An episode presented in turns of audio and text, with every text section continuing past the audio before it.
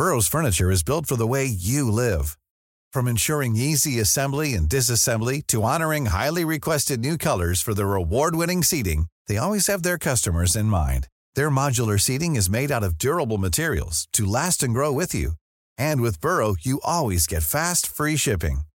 Get up to 60% off during Burrow's Memorial Day sale at burrow.com slash ACAST. That's burrow.com slash ACAST. burrow.com slash ACAST. Since 2013, Bombas has donated over 100 million socks, underwear, and T-shirts to those facing homelessness. If we counted those on air, this ad would last over 1,157 days. But if we counted the time it takes to make a donation possible, it would take just a few clicks. Because every time you make a purchase, Bombas donates an item to someone who needs it. Go to bombas.com slash ACAST and use code ACAST for 20% off your first purchase. That's bombas.com slash ACAST, code ACAST.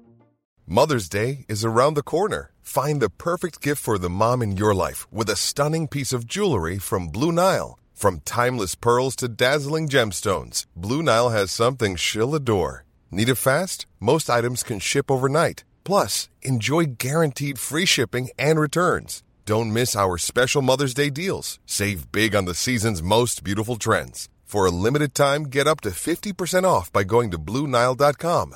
That's BlueNile.com.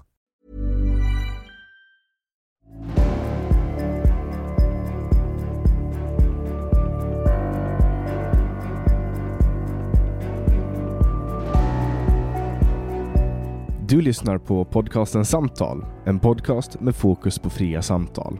Den här podcasten presenteras av tidningen Bulletin. Om du vill få tillgång till samtal sju dagar före alla andra så kan du gå in på www.bulletin.nu och bli prenumerant. Då får du också ta del av hela Bulletins premiumutbud. Kom ihåg att Bulletin också finns som app till både iOS och Android. Länkar hittar du i beskrivningen till det här avsnittet eller på min hemsida www.samtal.ax. Jag släpper nya samtal alla onsdagar året runt och jag tar tacksamt emot tips ifall det finns någon du vill höra i podden. Idén bakom podden är att fokusera på fria samtal. Jag tror att öppenhet är grunden för det demokratiska samtalet och jag vill uppmuntra dig som lyssnar att exponera dig för samtal med någon du inte håller med. Jag heter Jannik Svensson och du lyssnar på podcasten Samtal. Ett år har gått sedan det sist var det här datumet för ett år sedan. Sen sist var ett år sedan. Exakt. Och eh, med mig idag har jag min eh, vapendragare och vän och kollega och eh, vad ska man säga? Jag får ja. säga livskamrat, men det är det ju inte. Nej, det, det är inte för långt, men i övrigt så en väldigt varm, eh, varmt sätt att eh, beskriva mig. Jag är riktigt hedrad och jag säger detsamma. Jannik, du är en god vän och eh, som sagt vapendragare inom podd. Ja, och sen, jag ska säga ett namn också, Anders Hesselbom. Hej, eh, Jannik Svensson. Och, och, nu lyssnar du på ett specialavsnitt av Samtal. Som, det här är andra året i rad nu som jag och Anders gör en, en julkrönika. Förra året sammanfattade vi året som hade gått mm. eh, och eh, vi sammanfattar också samtal och de gästerna som har varit med. Och mm. Det ska vi göra nu också. Vi ska gå igenom och, och titta på vad det är som har hänt. Och en kort bakgrund eh, om mig och Anders var ju att Anders var med i podcastens samtal mm. eh, den, i juli då, 2020. Ja, det var jättekul. Coronasommaren och då ringde jag Anders när han satt i en bil och han tyckte det var jätteintressant att vara med och jag tyckte det var jättekul att han var med och vi bestämde på plats alltså att vi skulle ha mm. eh, podd tillsammans, vilket ledde till Generation YX. Och Nej. Generation YX startade då i augusti 2020. Just det. Jag var ganska kort mot det i telefon, men det berodde på att jag körde bil och jag körde bil i stan. Så jag behöv, och jag har ju manuell växel, så jag behöver ju röra om i tanken liksom hela tiden där. Och sen så skulle jag försöka hålla i luren. Men jag vill säga det att jag kommer ihåg samtalet och jag var jätteglad att du ringde. Mm. Och det här är alltså ganska länge sedan, så jag kommer inte ihåg det här. Men, För mig var det en stor sak. Mm. Men det var jättekul och det har lett Generation YX. Så förra, förra året då så valde du och jag att sammanfatta. Vi liksom slog ihop Generation YX och samtal i en podd och så gjorde vi en julkrönika. Och så mm. skickade vi folk till samtal. Nu gör vi det i år, fast i år har vi också spelat in Generation YX. Så det vi kommer att göra idag är att vi kommer att gå igenom vad som har hänt under året eh, mm. och vem som har varit med i podcastens samtal. Och vi kan ju börja med eh, första gästen, Janne Ranninen mm. eh, kallades, kallas för Solvallamördaren. Han var med i eh, podcasten Samtal i januari, eh, mm. den 5 januari. Eh, och eh, vi hade ett trevligt samtal. Han har blivit frigiven nu och är ute.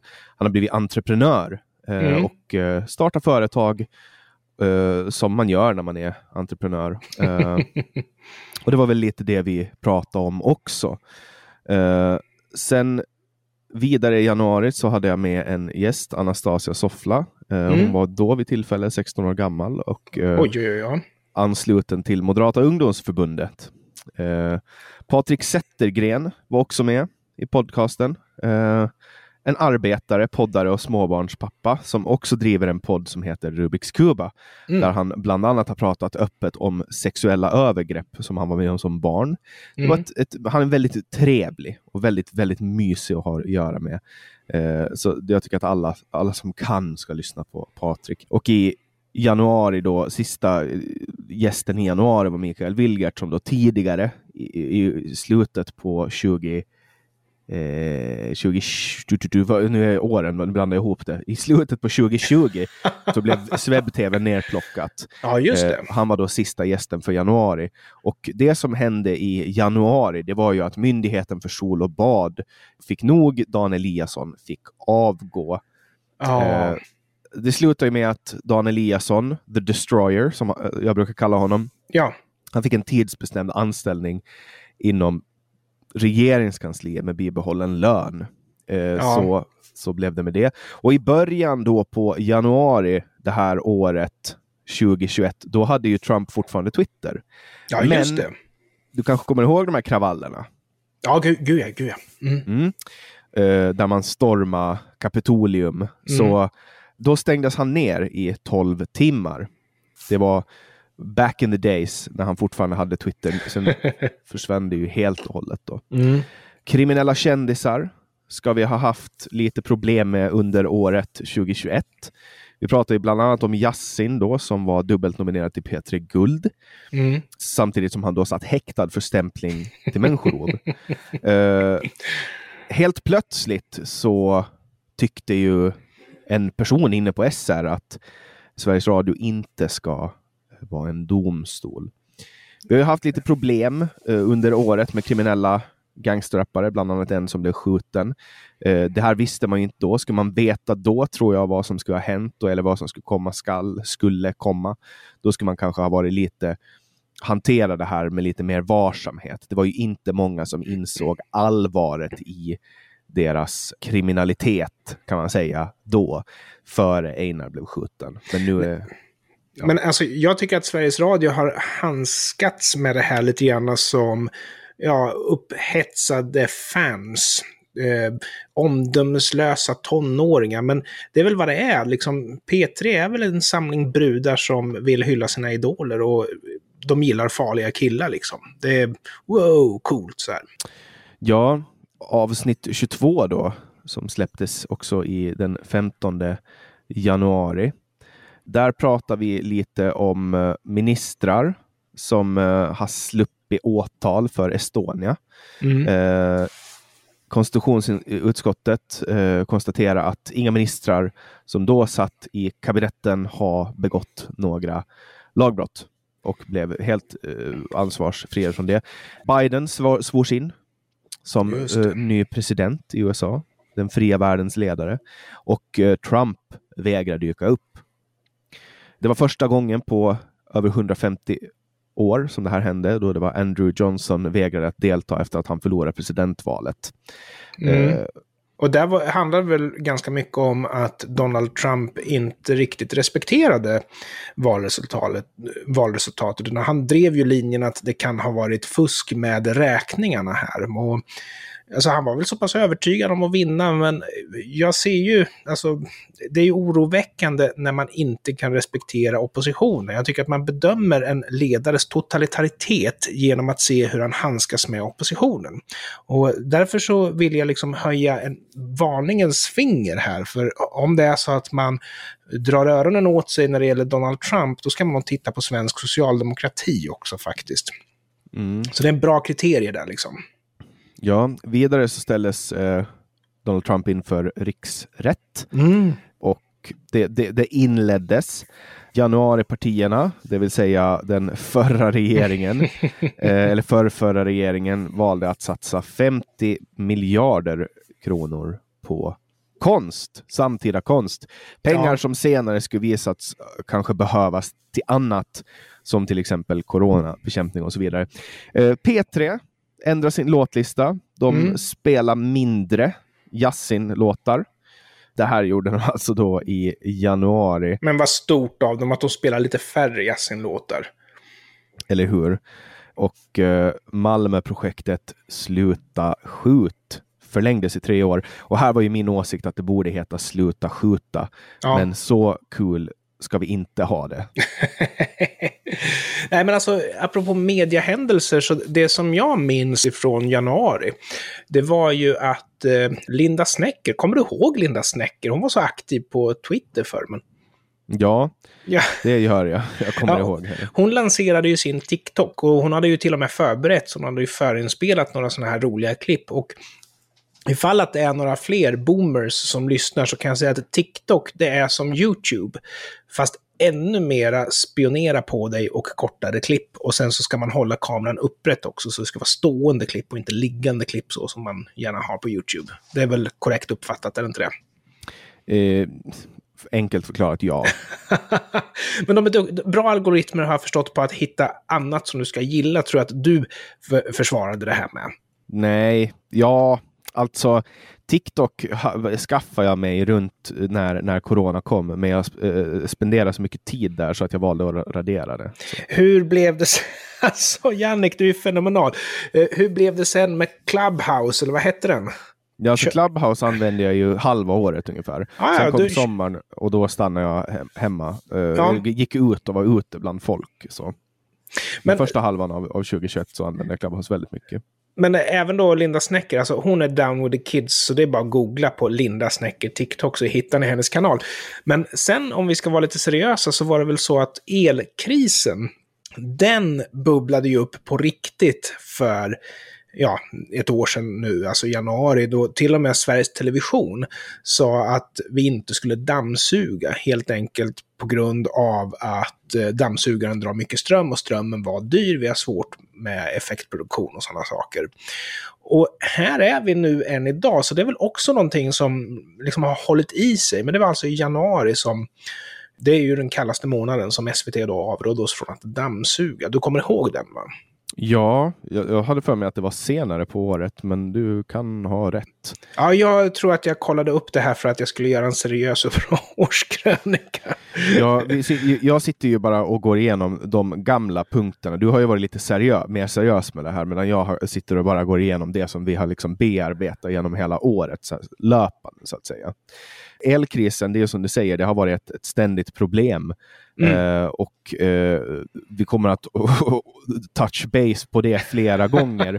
En stor händelse i januari som vi nästan har glömt, det var att den nya tillfälliga pandemilagen klubbades igenom uh, och började gälla i januari. Och här har då böter på 2000 kronor varit ett belopp som har blivit satt. Jag, vet, jag har inte gjort någon uppföljning på det här, Eh, så jag vet inte om det är någon som har, har blivit dömd för det.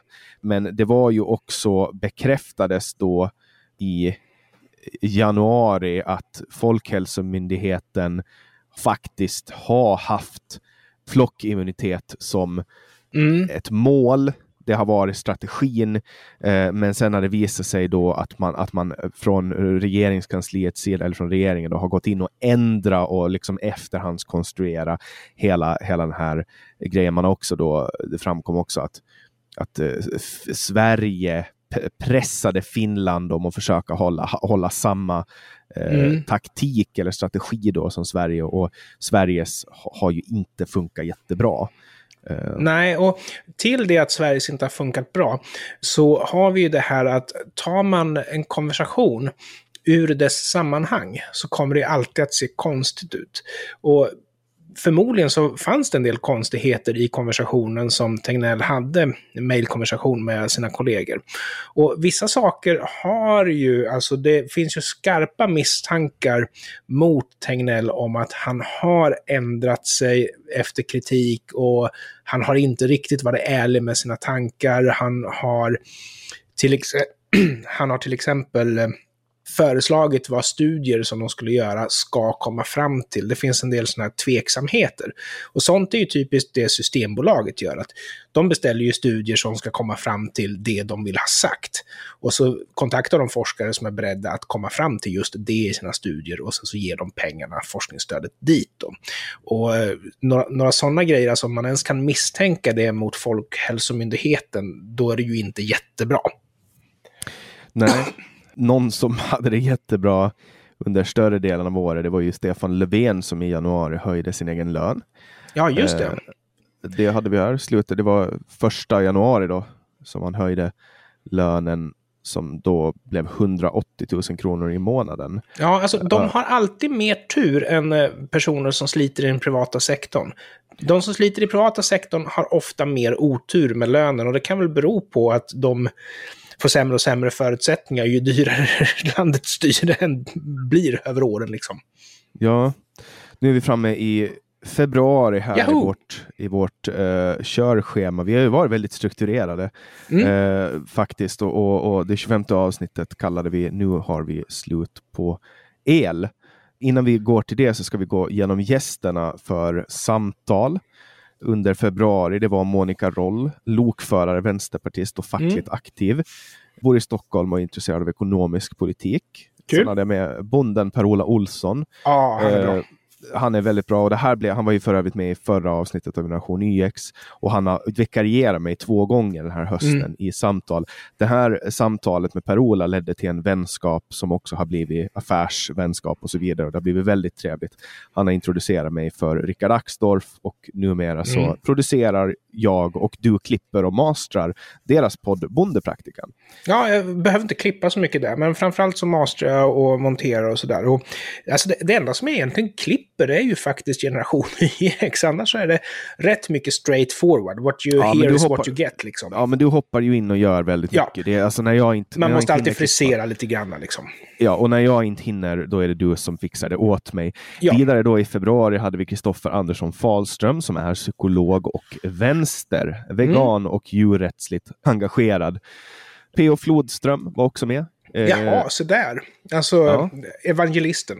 Yes. Pingstapologet, verksamhetsutvecklare för Stiften Bibelsen idag. Jag ska ju också... säga att, jag, jag, måste bara säga när jag säger jaha, vad han är med, så är det snarare så att ja, just ja, det var han ju, för jag vet ju vilka du har med, det är bara att jag inte kommer ihåg alla. Ja, men det här är ju nästan ett år sedan, så att det, ja, det är lätt att... Det är lätt det har runnit vatten under broarna, ja, precis. Så är det. Eh, då ska vi hoppa in på februari och det var alltså det första avsnittet för februari sändes den 5 februari och det var det 25 avsnittet som vi kallar det för nu har vi slut på el. Det var då GameStop-skandalen kom. Jag tycker ja, att den var det. ganska rolig. Det var alltså mm. ett antal börsrebeller som gaddade ihop sig på ett internetforum för att spekulera i GameStops aktie som ökade otroligt hårt. Den var alltså hedgefond som, spekuler som shorta GameStop-aktien och sa att det här kommer att gå åt helvete och de här Reddit-användarna sa nej, det kommer det inte alls och så började de köpa aktier. Aktien sköt upp och den är fortfarande väldigt stark.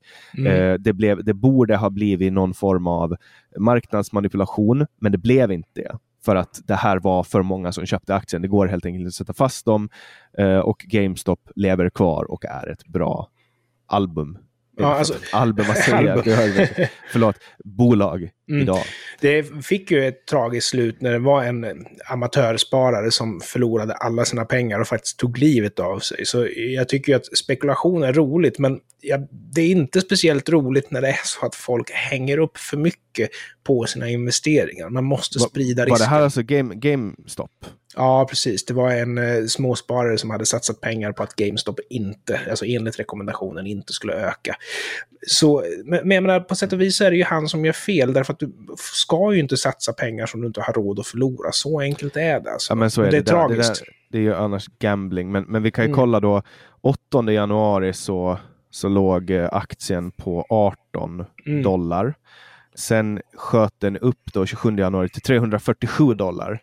Sen har den legat på runt 40 till, eh, sen hade den hoppat upp och den har liksom gått upp och ner men, men, eh, och den har legat på nästan legat över 150 dollar varje månad hela året. Eller den har gjort det. Just nu i talande stund så ligger aktien på 150 men har alltså gått från 18 till att lägga på över 150 dollar periodvis över 200 hela året. Mm. Och Det är ganska intressant för att GameStop var ett bolag som var hotat av konkurs. Mm. I övrigt då, februari, Håbo kommun sparar på frukten. De halverar frukten helt enkelt. Barnen fick eh, förut då en frukt per dag, men nu fick de en halv. Ja, och en halv frukt är ju en halv mer än vad man fick när jag gick i skolan. Liksom. Så det är väl en, ändå ganska bra. Jag kan tänka mig att det minskar väl också svinnet, kan jag tänka mig. Mm. Sen var det ju nu i februari som, som eh, Linda Snecker skaffa TikTok. Eh, Jaha, ing- så ing- hade jag fel. Du hade fel. Jäklar. Det är, ingen, det är ingen stor grej för mig att hon har eh, TikTok. I don't give a fuck about Linda Snecker. Jag ska vara helt ärlig. Okej, nej, för mig var det lite roligt att titta på hennes videos och ju- just det här när personer är down with the kids, hello fellow youngsters, liksom. Sånt tycker jag är hemskt roligt. Jag, Jag, har ju- jag har ju fortfarande inte tittat på det, så det kan ju ha med det att göra. Ja, Okej, nej, jag har tittat och det är så här... så här. Nej, jag tycker det är kul. Ja, det var i alla fall här som du hittade på Twitter att någon eh, fråga eh, Miljöpartiet i Stockholm om hur tomgångsförbud gäller även för elbilar. Och jag tycker det är så charmigt av Miljöpartiet. Alltså frågan, får man köra elbilar på tomgång? Och de lovar att kolla upp det. Och jag tänker, det här är miljö... Miljöpartiet, de är miljöexperter kände jag då. Liksom. Ja, och det var, det var ju också faktiskt här i februari som, som den här dammsugningen kom. Du var lite snabb där, Anders. Jäklar, jag gjorde många Ja. fel. Jag kommer få sparken ifrån att göra årskrönikor med dig framöver. Nej, men det är helt, det är helt lugnt. Det var Det är alltså mänskligt att fela. På, det var i början på februari, eh, Mm. som då, ska säga, den 6 februari, som de, man får gå in på Internet Archive för att se den här. Därför ska du inte dammsuga de närmsta dagarna. Det är Mm. kallt i stora delar av landet, det kommer att bli kallare, bla bla bla bla bla. Du ska inte dammsuga, dammsug inte. Det var det de gick ut med och det var ju då hela den här grejen med elbristen började bli ganska uppenbar för Ja. människor. När SVT behöver, liksom, de, deras jobb är ju faktiskt att förneka sådana här problem som eh, har orsakats av regeringen. Och när de börjar på att erkänna dem, då vet man att det är på allvar. Men alltså kyla räcker ju inte eftersom vi har ju ganska mycket vindkraft i Sverige. Så om det är kallt och blåser så klarar vi oss. Men det är ju när det är kallt och vindstilla, då är vi rökta. För hur, alltså, hur många vindkraftverk man än bygger så är det ju elproduktionen när det blåser man påverkar. Du kan liksom inte göra någonting, du kan, någonting åt de här dipparna när det är vindstilla. Mm. Vidare så uh, råkar Greta Thunberg twittra instruktioner till sig själv. Jag kommer inte ihåg exakt vad det handlade om, men det var någon form av guide om när hon Mm. skulle publicera vad. Hon hade, det, var någon, det är någon PR-konsult eller liknande som har gett henne instruktioner. Ja, och Eh. vad de ska skriva och när, eller förslag på vad de ska skriva och när. Men alltså Greta Thunberg, hon är väl fortfarande stor bland sina fans. Så det är väl ofta så det slutar, att liksom folk tröttnar och går vidare. Hon har haft sina 15 minutes of fame, dagsländan har liksom dött och så vidare. Men fansen hänger kvar. Det är lite grann som modern talking. Liksom. Fansen hänger kvar, men vanligt folk har läm- lämnat dem. Liksom. Mm. Vidare då så kom ju hela den här grejen om att Konstfacks utställningssal skulle byta namn från. Vita havet. Ja. Eh, och det här har ju varit någonting som har pratats om hela året. Och jag känner fortfarande när jag hör det här att ja, jag är trött på den här debatten. Mm. Eh, men vi får väl grotta lite i det ändå. Det var alltså då personer som inte identifierade sig som vita som tyckte att Vita havet är ett uttryck för någon form av postkolonialt förtryck. Mm. Eh, och därför så blev det en jättestor debatt som var närvarande stora delar av året. Och det där är ju liksom identitetspolitik deluxe, men när man grävde lite grann i det här så visade det sig att namnet inte kom ifrån hudfärgen på fransmännen som erövrade Afrika och, och sådär, utan namnet kommer från färgen på väggarna i utställningssalen som råkar vara vit. Det är ju samma sak om du skulle ha e-, ett svart rum och kalla det för svarta någonting, så har ju inte det eh, nödvändigtvis någonting med hudfärgen på de som blev kolonialiserade av fransmännen, utan det är färgen på väggen kan ju vara intressant där. Så jag tror att man måste lyfta blicken ifrån identitetspolitik och titta på lokalen vars namn vi diskuterar, så blir inte frågan speciellt konstig. Nej, det var ju också, jag sa ju att vi skulle toucha det här med eh, elbrist eh, flera gånger. Ja.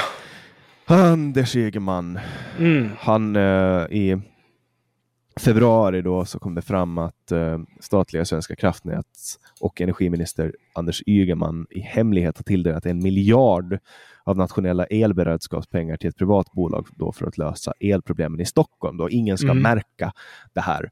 Det var alltså beredskapspengar som gick till det här och det skulle tillfälligt lösa elbristen. Och det, och det är det som... kallt på vintern, sen kom ja. sommaren, nu är det vinter igen. Uh, Sverige är fortfarande i ett väldigt svårt läge. Och det här är intressant för det retar ju upp både vänstern och högern. Högern blir ju ofta irriterade på mygeln och att det görs i smyg. Vänstern blir irriterade på att det var just elkrisen som skulle lösas därför att vi var ju överens om att den inte fanns. Eller hur? ja, eh, vidare kom det fram att Ung Vänster anser att deras mål är ett kommunistiskt samhälle. Det står att de i deras partiprogram eller deras principprogram att de ville ha det. Och vidare då så visade det sig att plastpåseskatten eh, mm. som då skulle dra in 2,1 miljarder kronor under 2021 drog in 174. Det var alltså en flopp men jag tror att man visste från början att det här handlar bara om att visa att deras miljöpolitik och klimatpolitik är närvarande i folks liv genom att ta bort någonting som folk gillar, det vill säga plastkassar. Jag gissar att det var 174 miljoner där. Så det, ja, just det, men det så förstod jag i sammanhanget. Fel av mig. Nej, men jag tror också att vi ska under den här inspelningen återkomma till plastpåseskatten, för det har ju hänt mer saker där. Och rätta mig om jag har fel nu, för jag hoppas att jag är inne på rätt månad och pratar. Vänstern driver ju i februari hårt linjen att det är över och medelklassen som driver, alltså finansierar de kriminella gängen genom att köpa droger. Och den här frågan driver de alltså i ljuset av en vetenskaplig studie som säger exakt det motsatta, nämligen att de köper och säljer droger till varandra. Alltså de kriminella gängen inte bara köper och säljer droger, de också konsumerar droger. Och att den droghandel som överklassen står för är så extremt marginell i sammanhanget. Det är liksom inte vardagsdroger överhuvudtaget. Och det här är ju bevis på att sossar ljuger. Ja, framförallt så är det ju ett bevis på att Eh, verkligheten ska anpassas efter kartan. Men sen så, en, en av de grejerna som jag kommer ihåg ifrån februari som gjorde mig ganska irriterad, det var att svenska statens mediebolag, de har analyserat tidningen Bulletin och konstaterat att det är en dålig tidning med ful webbdesign och alltihopa det där. Och då är frågan, har man inte tagit sig för stora befogenheter? Vem, alltså, staten ska väl ändå stötta medborgare som vill vara näringsidkare, de ska väl inte sabotera för dem? Nej, men det är ju klart att kan man sänka någonting så ska man sänka ja. det. Och det här var alltså... Per eh... Andersson, den här efterblivna kritiken, han, och liksom, de har ju en ledarsida typ, men i och med att de inte får ha en ledarsida så kallar de ju för en analyssida. Men det är ju ledartexten de publicerar där. Och Per Andersson, han har ju gjort klavertramp på klavertramp på den där sidan. Och jag, jag funderar på varför betalar vi skatt till en stat som inte vill samarbeta med oss? Jag förstår inte det här handlar ju om att man, man inom, tror jag då, inom public service har en, ett vänsterperspektiv helt enkelt. Det är ett, ett vänsterperspektiv. Mm. That's it. Det är så enkelt. Och, ja. Avsnitt 29 då eh, av generation YX.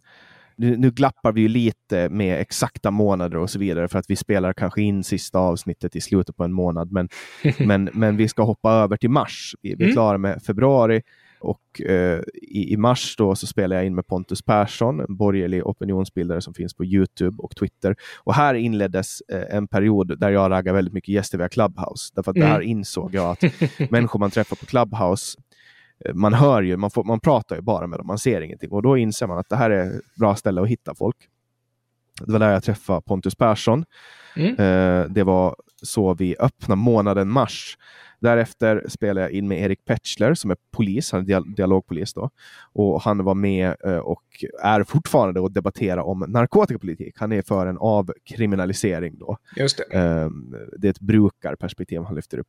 Eh, jag spelar in ett andra avsnitt med Kai Gryssner, en Mm. åländsk ekonom, skattekonsult, som jag tycker om väldigt mycket. Vi är, Ja. vi är goda vänner. Du sammanfogade ju honom med mig också vid ett tillfälle där vi skulle prata om libertarianism. Ja, just det. Det var ganska tidigt i, i Generation YX vagga, tror jag. Ja, det var det. Och eh, han eh, menar ju på, alltså jag har ju lärt mig vissa saker om honom och det är ju det här att eh, om man inte reglerar allting så kommer folk att vilja hjälpas åt och, och vilja samarbeta.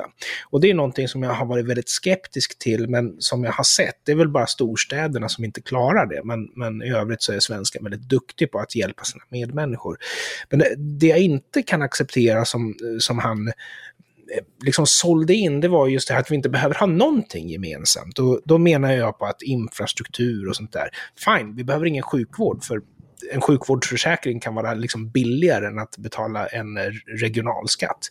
Men vi behöver ha en infrastruktur. Men det höll han inte med om. Men jag ska inte försöka representera hans åsikter. Men det var kul att hitta en punkt där jag glider isär ifrån libertarianen, där jag är lite för statsvänlig liksom. Ja, sen är det ju när man pratar med en eh, person som, som har en, en utopi in mind så kommer man ju alltid att kunna kritisera den utopin. Men sanningen är att ingen av de två vet hur samhället kommer att se ut eller hur människan kommer att reagera på en sån samhällsförändring. Nej, men, det det, ju en annan- positiva är ju att eh, människor verkligen kan samarbeta. Och det vill jag nästan tacka honom för, för det har berikat mig att få den synen. En annan libertarian som var med är Ashkan Fardost som Mm. är före detta forskare och musiker. Eh, föreläser om internet och människan, blev sedar, senare under året deplattformerad. Eh, eh, han, är då med i eh, den omåttligt populära podcasten Sista måltiden. Han var med 23 mars i samtal och det var första gången jag gick ut och då pratade om att jag har använt illegala droger. Varför blev han deplattformerad? Ursäkta. Jag kommer inte ihåg, men det var antagligen... Det, det var någon... Jag, vet, jag, jag minns inte. Okej. Det, var, jag, det, var, jag, det var någon, det var någon sån där... Alla, de har inte deplattformerade i år. On, move on.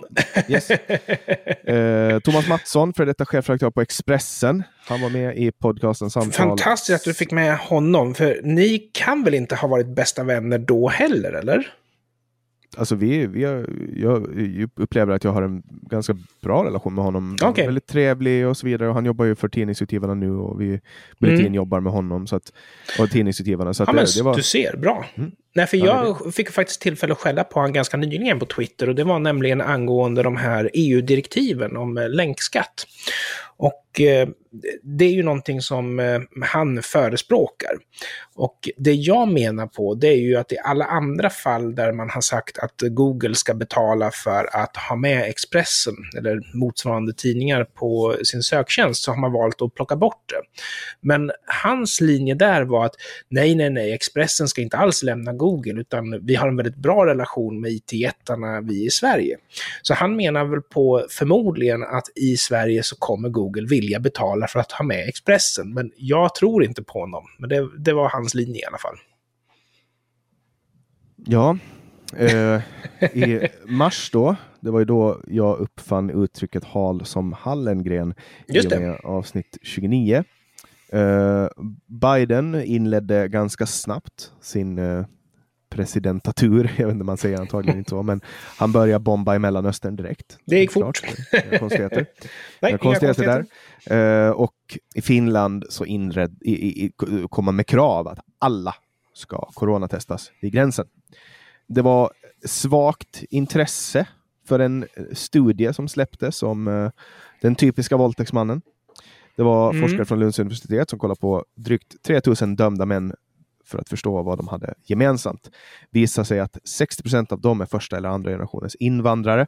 Det här är ju nazistisk forskning då, om man frågar Jerzy Sarnecki och andra eh, som har väldigt mycket att säga om det här. annars att... är det väl eh, socioekonomiska faktorer som man inte har eh, kompenserat för, kommer de hävda. Men jag tror att det var så att man hade kompenserat för socioekonomiska faktorer. Det är bara att det inte är jättestor del av alla våldtäkter som eh, sker på grund av att man har för låg inkomst eller så här. Mm. Vi hade i, också då i mars den här toppjuristen som misstänktes för att ha våldtagen ung kvinna. Ja, just det. Det var ju grejer det. Alltså. Och rätta mig om jag har fel nu, men var det inte så att vi på den här tiden alltså, så blev SVT en slags ventil för citat sköna snubbar som ville rentvå sig? Att man gav mediatid åt vänsterprofiler mer eller mindre som hade ja, begått tvivelaktiga eller kanske direkt olagliga handlingar. Fredrik Federley, Göran Lambert, Soran Ismail och så vidare. Alla de som hade blivit anklagade för att göra tveksamma saker fick gråta ut i SVT. Liksom. Ja, alltså Göran Lambert gjorde ju en egen, det är ju han som är juristen och han hade ju en egen presskonferens och så vidare. Och så vidare. Han blev friad från allt det här. Jag som SVT direkt sände, om jag hade blivit anklagad för våldtäkt eller vad det nu är för någonting och ringer SVT så här, ursäkta snubbar, har ni lust att komma ut och direkt sända mig för jag vill gärna liksom. Ja, men de hade ju inte kommit. Mm. Därför att jag är inte en vänsterprofil. Nej, exakt. exakt. Uh, Annie Lööf gick ut i Expressen och sa att hon var beredd att uh, sitta i en regering med, uh, med Socialdemokraterna Mm. Uh, fick hon inte göra, men däremot så fick hon bli dörrmatta och det är väl fint nog. Jo, vägen tillbaka till en borgerlig regering där Centerpartiet ingår är stängd så länge Moderaterna är beredda att förhandla budget med SD. Det blev ju så alltså att de förhandlar budget med SD och, uh, och, och, och Centerpartiet röstar för den budgeten. Det växer, det vänder snabbt. Ja, och sen är det ju också så att eh, jag menar, Vänsterpartiet är också med och förhandlar budget, men de drar ju sina gränser mot högern och inte mot vänster nu för tiden. Och liksom, vad ska man göra när Vänsterpartiet har mandat? Vad ska man göra när Sverigedemokraterna har mandat? Det är väl fullkomligt självklart att man inte behöver släppa in dem i någon regering.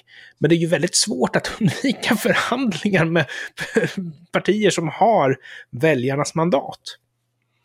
Nej, och det var ju eh, i ma mars då som Sabuni gick ut och berättade att de vill ha en borgerlig regering, eh, Liberalerna, och mm. Eh, ställde sig på deras sida.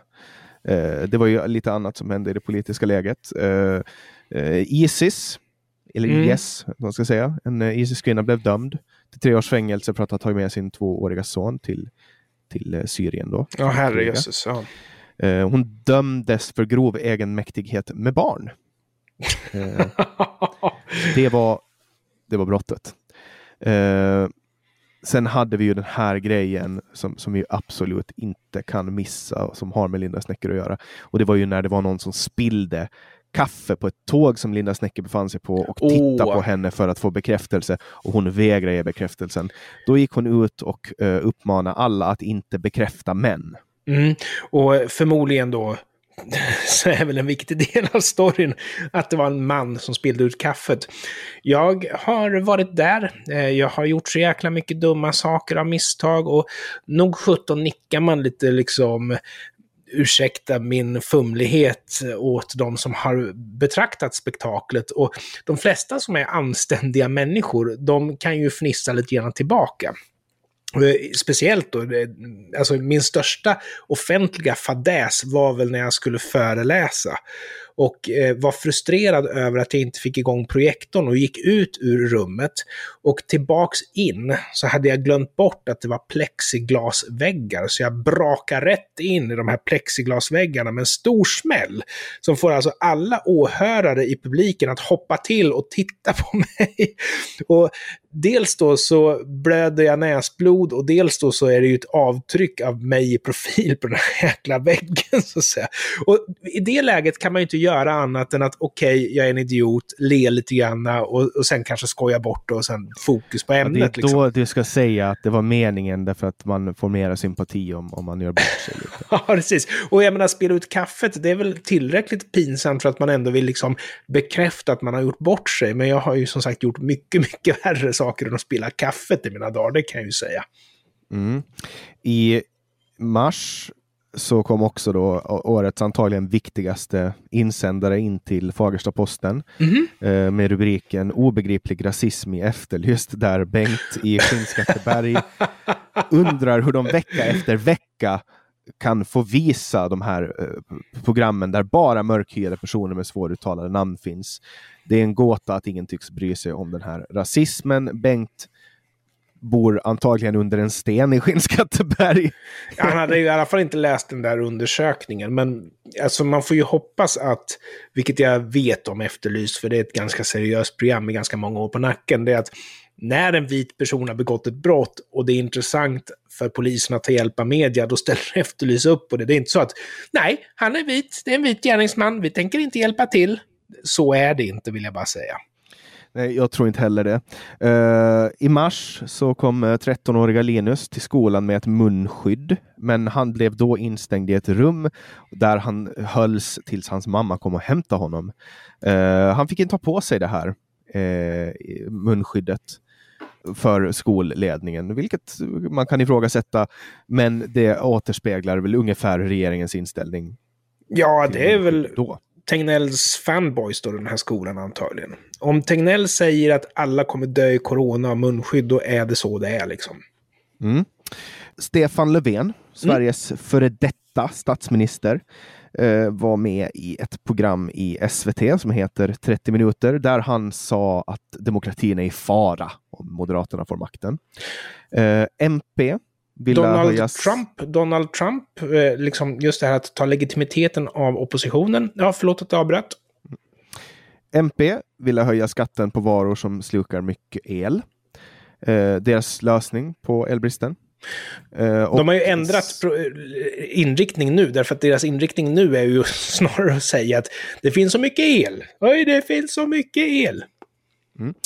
Och i Halland blev eh, eh, årets centerkvinna en man. Uh, och det här var alltså 2021, uh, eh, ganska exakt tio år innan så finns det en sketch från en serie som heter Parks and Recreation där en man blir utsedd till årets kvinna på ungefär liknande villkor som Kristoffer Bergenblock som blev utsedd till årets centerkvinna fast han är en man. Jag hoppas att årets centerkvinna, och det vet jag stämmer, inte är en omskrivning för årets pedofil eller något sånt där bara. Ja, jag vet, jag vet inte. Men eh, Esbjörn fortsatt eh, med sina förvirrade utspel. Det var lite funderingar på vem som var hans ombud. Ja, eh, I mars. Han eh, påpekade då att hans advokat var en eh, advokat som heter Josef Kristensson, men den här personen visste inte om att han har fått det här uppdraget. Konstigheterna fortsatt rulla in och vi kommer att eh, beröra det igen. Eh, det var också i mars som eh, Annie Lööf eh, gick bak och raderade gamla tweets. Hon ja, insåg väl kanske att hon har kappvänt så mycket så att någon, någon eh, praktikant fick byta, radera tweets åt henne. Schysst. Mm. Eh, så det är väl, det, det, var ungefär det och också då i mars så fick eh, Fredrik Federley gråta ut i SVT. Han fick ju berätta om, om eh, hur, hur, hur det var att inte veta om att han har bott med en person som är pedofil och, och så vidare. Och så vidare. Ja, och som sagt, inte den enda som fick gråta ut. Och sen, fler som skulle kanske behöva gråta ut, alltså, rätta mig om jag har fel nu, men jag undrar om det inte var så att det var i mars som SDs partisekreterare Richard Jomshoff skapade kalabalik genom att säga i SVT att islam är en avskyvärd religion. Var det i mars eller har vi hoppat över till april nu kanske? Eh, det, jag är lite osäker. Faktiskt. Ja, där någonstans, där någonstans. Och det som jag funderar på här, det är att det är det bästa argumentet för att vi måste avskaffa häst mot soffgrupp. Det går inte att ha den lagstiftningen. Därför att frågar du mig så skulle jag säga att islam är en fruktansvärd eller en avskyvärd religion. Men jag skulle kunna säga så om ganska många världsreligioner om man ska vara helt ärlig. Och i princip alla religioner bygger ju på en slags kognitiv dissonans. Det finns någonting utöver verkligheten som man måste tro på för att verkligen vara religiös. Så jag skulle säga att de flesta religioner är avskyvärda, inklusive islam. Så det är väl den enda punkten där du kan ställa mig i samma läger som eh, Richard eh, Jomshoff från Sverigedemokraterna, att jag tycker att islam är en avskyvärd religion. Jag tycker att det ska få sägas utan att eh, man ska bli åtalad för det. Men alltså det tuffaste som, som jag minns ifrån mars, det var väl debatten om vindkraften. Den var ju liksom på väg att dö när Lorentz Tovatt, han häller häll ju liksom bensin på elden genom att sprida myter om smart teknik. Alltså att jo, men nu har vi nya generationen vindkraft och det här har kommit längre. Och idag så lever ju den här diskussionen kvar, för jag trodde ju att den var på väg att dö, men Miljöpartiet har hållit den på agendan. Och idag så pratar vi ju om att ja, men vindkraft kan ju döda fåglar. Och deras förespråkare, vindkraftens förespråkare, miljöpartister, de kan dra till med argument som att ja, men även katter dödar fåglar. Och här tror jag väl att det var, jag undrar om det var Hanif Bal eller vem det var som sa att en tamkatt kan ju liksom inte ta en utrotningshotad havsörn och bita ihjäl. Det sker liksom inte. Det är väl snarare så att en havsörn kan äta upp en tamkatt. Det är väl snarare så det är. Och skeptiker, de säger ju att den här existerande samt planerade serverhallarna från IT-jättarna, alltså Microsoft, Amazon, gänget där, de kommer ju att dra lika mycket ström som tre stycken kärnkraftverk. Och vi håller fortfarande på att diskutera vindkraft. Så där står vi idag. Rätta mig om jag har fel om det inte var mars, annars ber jag om ursäkt. Nej, det stämmer att det, att det var i mars. Eh, en annan sak som, som hände i mars, det var ju att Carl Hedin eh, blev friad från misstankar om illegal jakt. Eh, mm. Åklagaren hade ju drivit den här linjen ganska hårt, men han blev friad från alla misstankar om illegal jakt. Och åklagarens bevisning är enligt tingsrätten så svag att man inte ens hade behövt pröva ja. den åtalades egen bevisning för att men... komma fram till att de ska frias. Det här var en skandal ja. av oerhörda eh, proportioner och den tåls att gräva i hur man behandlar en eh, gammal man på det här sättet. En person som har gjort så mycket för Sverige eh, behandlar man på det här sättet för att han har en åsikt. Och eh, jag vet att våra vänner i Bondepraktikan har mycket att säga till om det här och vi, har, vi, vi behöver vara Jag lite köper boken snabbare. när den kommer. Ja, vi har kört första kvartalet nu och vi har hållit på ganska länge så vi behöver korta ner oss lite yes. genom att hoppa över till april där jag inledde, jag fortsatte min eh, Clubhouse-rekrytering eh, och eh, träffade Staffan Dopping. Oh. Prata inte om kryptonit i fittan med honom. Eh, jag pratar också psykisk ohälsa med Evelina Öhman från mm. Luleå. Just det. Eh, jag pratar med Gian Berosi, en journalist från Värmland. Eh, jag pratar med Jörgen Fågelklo bara någon Uh, några veckor eller några dagar före det kom anklagelser mot honom, vilket gjorde att det här samtalet blev väldigt, väldigt spelat. Mm. Uh, och uh, vad som hände i april har vi ju Uh, ska vi se. Ja, vi kan ju börja med att Sverige inte blev inbjudna på klimattoppmötet. Nej, just det. Alltså, och eh, satiriker hade ju en bra månad där, när, när det visade sig att Miljöpartiets slag på bröstet var liksom ganska så mycket eh, tomt prat där. Ehm, det som jag kommer ihåg, det var ju att det var väl i april som Morgan Johansson äntligen kände att nu har jag verkligen lyckats etablera här att språktester, det är rasism. Alla som vill ha språktester är främlingsfientliga. Och när det väl var etablerat, då tycker han att det är dags att träda fram och säga att han vill införa dem. Och sen igen, raderar sina gamla blogginlägg som då säger att språktest är rasism. Varför är det så viktigt då att sälja in att det är rasism om det är så att man ändå själv tänker införa dem?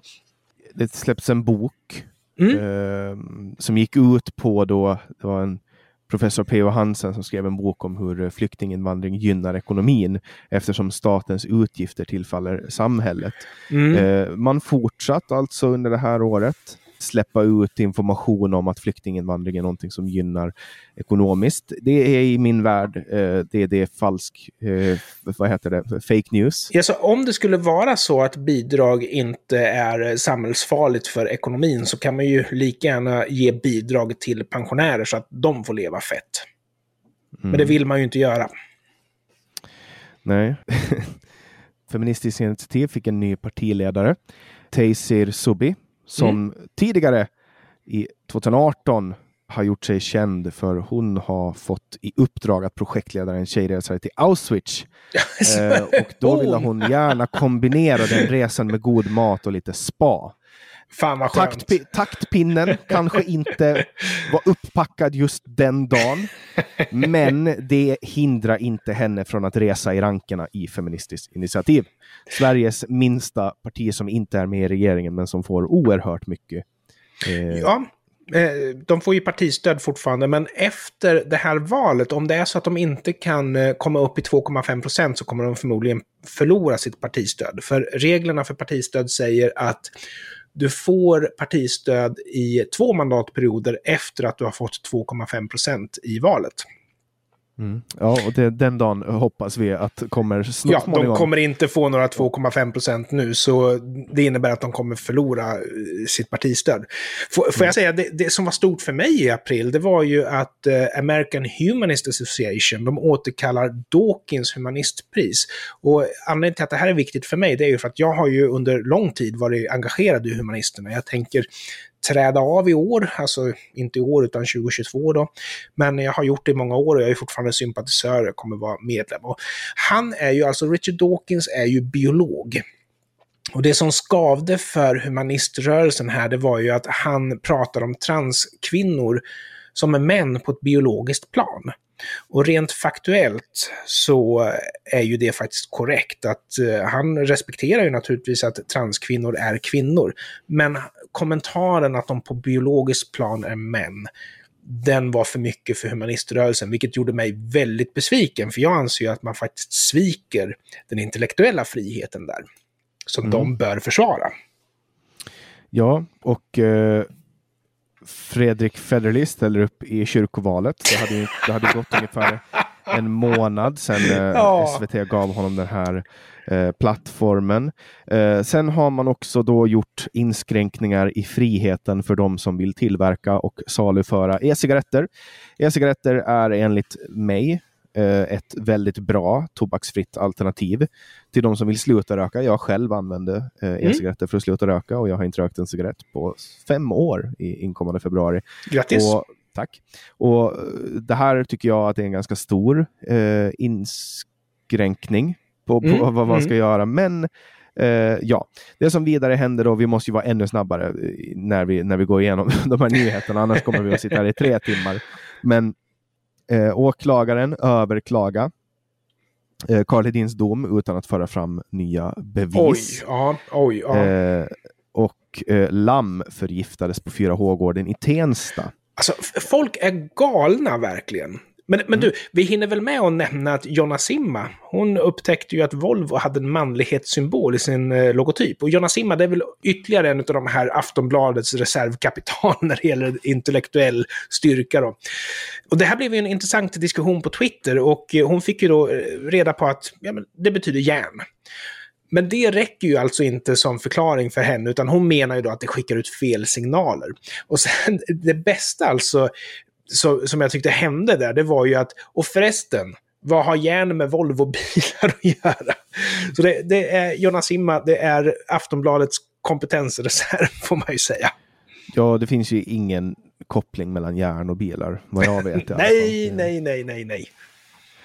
Vidare då så visade det sig då att en BLM-grundare köpte en dyr villa i ett område där 88 procent är vita. Intressant koppling där med Åh 88. herrejösses. Du vet ju att uh, åttonde bokstaven i alfabetet är H och 88 det är Heil Hitler. Alltså dö, dö. Du-du-du. Hon är alltså nazist, eh, visar det sig.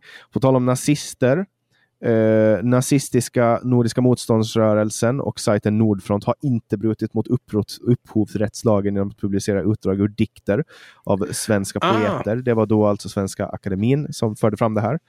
Eh, det var väl en herrans nåd att de inte ansågs ha brutit mot det, för det ska väl vara allmän tillgång, ska det inte vara det? Ja, även nazister bör få läsa poesi. Ja. Eh, någon som inte tycker om nazister, det är ju inte så många som tycker om nazister, men Morgan Johansson vill göra det olagligt att förneka förintelsen. Inser han kanske inte då att han ska göra en stor del av Malmös befolkning olaglig. nu, nu, nu raljerar jag lite. Uh, men det kom då uh, utspel också från MP att man vill stänga ner Bromma igen. Mm. Uh, sexuella övergrepp, Paradise Hotel. Eh, jag kollar inte på Paradise Hotel, men de tog ner ett avsnitt av det här dumma, dumma programmet. Alltså, eh, tog de ner ett avsnitt för att det var sexuella övergrepp i avsnittet? Var det så det var? Ja. Ah, det var någon som strålande. Sa, var, Man måste ju älska dagens ungdom. Ja, eh, och det här med Bromma flygplatsen eh, måste jag säga att de vill ju, det var ju sista året som de ska ticka på här och tanken, så regeringen vill stänga Bromma flyg, flyg, flygplats för en snabb utredning för att avveckla så snabbt som möjligt. Eh, det var Per Bolund. Eh, Stockholms stad eh, har, har då utvecklat en skolplattform för schemaläggning och så vidare och så vidare eh, som var så dålig. Den kostade oerhört mycket och den var så dålig att några föräldrar utvecklade en egen eh, skolplattform eh, kopplat till en öppen API. Eh, Stockholms stad polisanmälde den här öppna skolplattformen. Ja, och det var ju inte ett öppet API så som är juridiskt ett öppet API, utan det var ju ett öppet API därför att klapptränaren som hade programmerat det här API inte kunde säkra upp det. Så kunde man URLen så kunde man anropa det liksom. Sen har vi ju då våra kära vänner på RFSU som uh, skickar ut en, uh, distribuera en uh, broschyr mm. om hur man ska lära mellanstadieelever fisting, alltså det vill säga där man för in en knuten neve i någons anal. Det behöver man kunna när man går på mellanstadiet. Japp. Hur ska man få tiden att gå annars? Exakt, det finns ju ingenting att göra i dagens samhälle. Nej, nej, nej. Så på, i Umeå då så har uh, de här mellanstadieeleverna fått ta del av det här. Man kan ju ifrågasätta varför RFSU ens gör det här. Jag tänker att de kanske har annat som de borde göra. En strandad val på Öland väckte lite uppmärksamhet. Uh, man fick, myndigheterna fick gå ut och, och, förklara att man inte ska gå nära den eftersom den kan explodera. Det är ju lite intressant uh, faktiskt. Ja, jag uh, kan tänka mig hur det luktade där. Ja, jag skulle gärna fotografera en sån val, men jag hade ingen aning om att de kunde explodera. jag, jag, vet inte riktigt om, jag vet inte riktigt om det är så farligt. Alltså att få, jag, jag kan tänka mig att det är inte är så trevligt att få gammal valvävnad över sig. Eh, men jag vet inte. Har du sett en strandad val någon gång? Nej, bara på bild faktiskt. Och jag är väl lite grann glad. Jag ser dem ju hellre i vatten om man ska vara helt ärlig. Men jag älskar ju marinbiologi så jag tycker sånt där är spännande. Och självklart förruttnelseprocessen kommer ju naturligtvis göra att djuret sväller. Och huden håller ju inte för hur mycket som helst. Men i och med att den håller för mycket så när det väl spricker så spricker det ju hårt. Så att säga. Ja, jag vet inte om det är... Det är ju inte så att den är fylld med dynamit Nej, nej, nej, eh. utan det är ju en, som en ballong sprängs liksom. Mm. Ja, eh, vi är inne på maj. Åh! Oh. eh, det var varmt och skönt. Nils Littorin som är läkare och partiledare för Malmölistan var med i podden. Ja. Amineh Kakabaveh eh, som visade sig vara en av Sveriges mäktigaste kvinnor för att hon Just har liksom bestämt vem som ska få regera flera gånger. Vågmästare och, får man ju säga. Ja, hon var med i podden. Och här blev jag också rekryterad till Bulletin och eh, podcasten Samtal eh, stängde sin Patreon och hamnade en vecka bakom eh, Bulletins betalvägg. Mm. Eh, och då hade jag med Andrew Rosendahl, då, Bulletins chefredaktör. Eh, ett samtal som har varit objekt för många journalister. Som mm, har, När vi sen då hamnar på eh, tapeten så har de suttit och lyssnat igenom och analyserat det här och då säger de att jag är för, låter förvånad och stapplar och, och sådana saker. Sen hade jag med Anna-Karin Wyndhamn i slutet på maj. Vi är alltså genom kvartal ett och kvartal två av podcasten Samtal och eh, det som har hänt då var att jag inledde min första maj genom att ha en sån här bild på en sån här ram som Aron Flam har konstruerat där det står Just socialism och ondska och då fick jag sitta i tre dagar och bråka med folk. Folk var helt tokstokiga. Det, var, jag tror det är konstigt att det är kontroversiellt. Väldigt märkligt. Ja, det var 300 kommentarer eller något liknande och jag satt och, och, och svarade på alla de här och tyckte att det var otroligt eh, roligt. Eh, någonting som inte var jätteroligt var Ann Linde. Hon refererar till armeniska, armeniska folkmordet som massövergrepp. Inte heller där kom taktpinnen med på jobbet. Eh, en positiv nyhet det var ju att en global studie visar att antalet självmord, eller suicid, som man egentligen ska säga för att mm. självmord kan vara kränkande, det är att det har minskat i flera länder under coronapandemin trots att man sa att det kommer att öka. Mm. Eh, det, där kan man se känsla kontra fakta. Ofta så blir det utfallet kan bli lite annorlunda trots att det är kontraintuitivt. eh, Märta Stenevi kör dieselbil. Hon hatar dieselbilar. Det är intressant. Det kallas också för Eh, på engelska hypocrisy, alltså hyckleri. ja, men alltså, så har det ju alltid varit. Jag menar, vi hade ju partiledare som eh, flög första klass för, från Miljöpartiet för att de eh, skulle känna sig fräscha och alltihopa det där. Så hyckleri är nog ganska vanligt inom den branschen skulle jag säga. Miljöpartismen. Mm. Ytterligare en C-politiker häktades för pedofili. Eh, och hemliga PISA-rapporterna slog larm om stora brister. Man visste alltså om, utbildningsminister Anna Ekström eh, visste alltså om det här innan PISA-undersökningen. Eh, det visade sig att man har aktivt försökt mörka att eleverna eh, gör sämre i skolan och att man då ökar antalet exkluderingar eh, för att mörka om det här. Ja, och den, den, där tror jag också vi kommer ha skäl att återkomma till. Men jag skulle vilja säga att höjdpunkten måste väl ändå ha varit Borås Tidning. Eh, där sitter Boel Ulfsdotter och bedömer då Kristdemokraterna, framförallt då Ebba Buschs ondska genom att se hur hon är klädd på en partiledardebatt. Så valet av kläder, det var väl en vit klänning som skavde den här gången, var någonting som var tillräckligt för att hon skulle bli irriterad. Och vi har kommit in på det här med utseende, att ja, det är så hemskt när man bedömer kvinnors utseende. Men det är ju alltid andra kvinnor som gör det. Jag menar, om kvinnor kunde sluta bedöma andra kvinnor på utseende så skulle vi komma långt. Ja, någonting som kom långt, det var antalet raketer som ja. sköts på Israel. 130 raketer sköts på Israel på under fem minuter, 1050 raketer på 40 timmar. Det var ett nästan krig som drogs igång här ja. i maj och eh, det var bosättare som hade blivit på något sätt jag kommer inte ihåg exakt vad som hände, men det var, det var ganska mycket problem. Ja, alltså det är ju ofta civila mål när terrorister skjuter sina robotar, om jag säger så. Ja. Sveriges Radios VD Silla Bänke kom inte att eh, tillåta en extern utredning av Ekot sedan det framkommit att en reporter haft en relation till en misstänkt islamist. Såklart hon eh, inte gör. Eh, det var Sofie Lövenmark, reporter på stiftelsen Doku, som för övrigt inte vann något journalistpris i år, trots den här eh, avslöjandet. Hon avslöjade då att om den här eh, reporten som, som blev tillsammans med en islamist. Eh, sen har hon blivit hotad väldigt mycket och haft ett väldigt svårt år.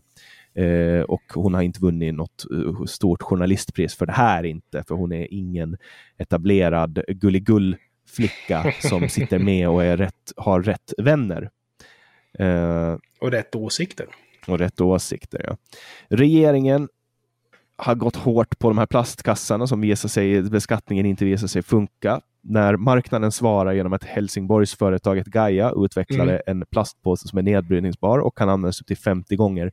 Men det ser ut så mycket som en plastkass. Så att ser det ut som en plastkass, då är det antagligen en plastkass. Den ska vi inte tillåta, den ska skattas. Och det intressanta här är ju att då har man lyckats få bort de miljövänliga påsarna från marknaden så att man kan ha kvar de miljöfarliga kinesiska tygpåsarna. Jag, jag menar, det är så bisarrt det tycker jag också säger någonting om att det här miljöpolitiska arbetet som regeringen sysslar med är en chimär, ett spel för galleriet. De vill inte ha en miljövänlig lösning utan de vill ha en klimatkris. Det är det de vill ha. Ungefär. Någonting sånt.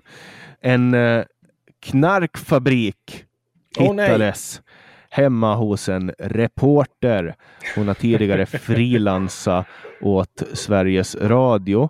Eh, hennes man, eller sambo, eh, odlar cannabis eh, i ett låst rum. Hon kände inte till det här. Eh, visade sig att det var några cannabisplantor, men Expressen kallar det här för knarkfabrik.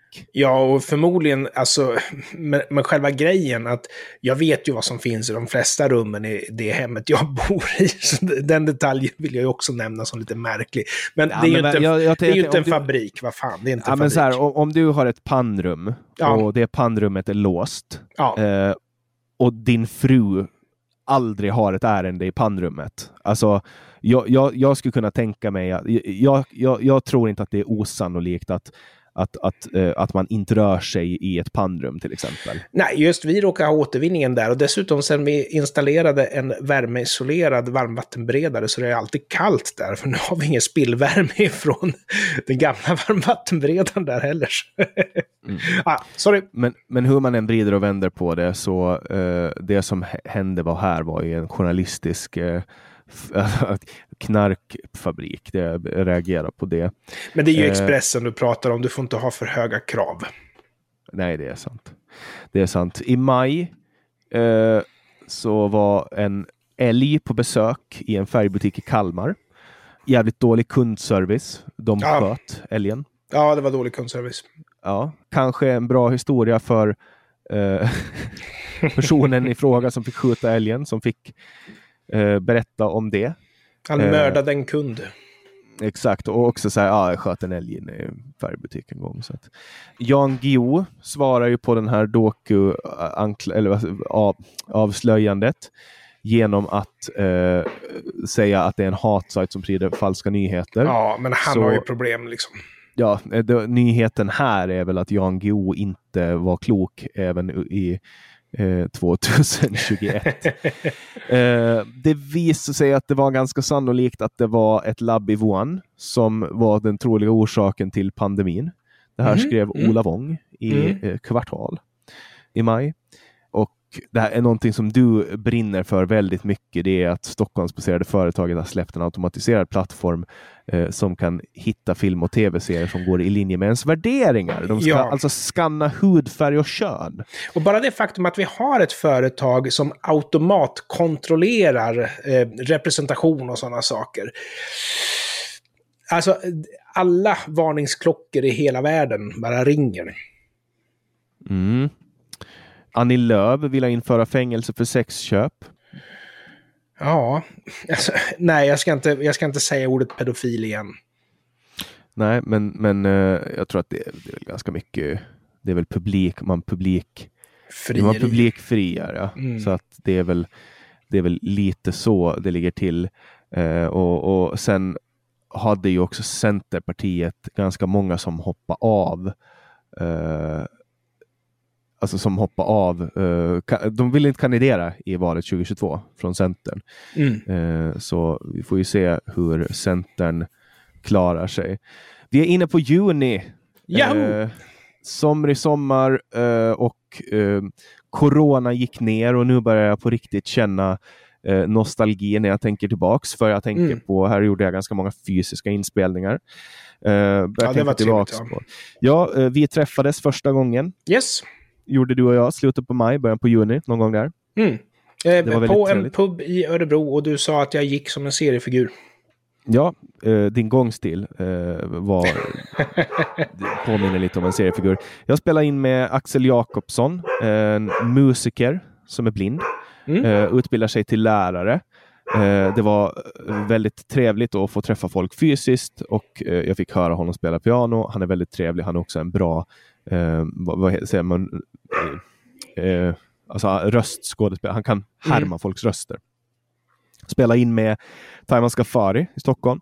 Han är programledare för Loungepodden. Vi hade väldigt trevligt och vi hade så trevligt att vi förlängde det här till att tillsammans spela in med Omar Makram.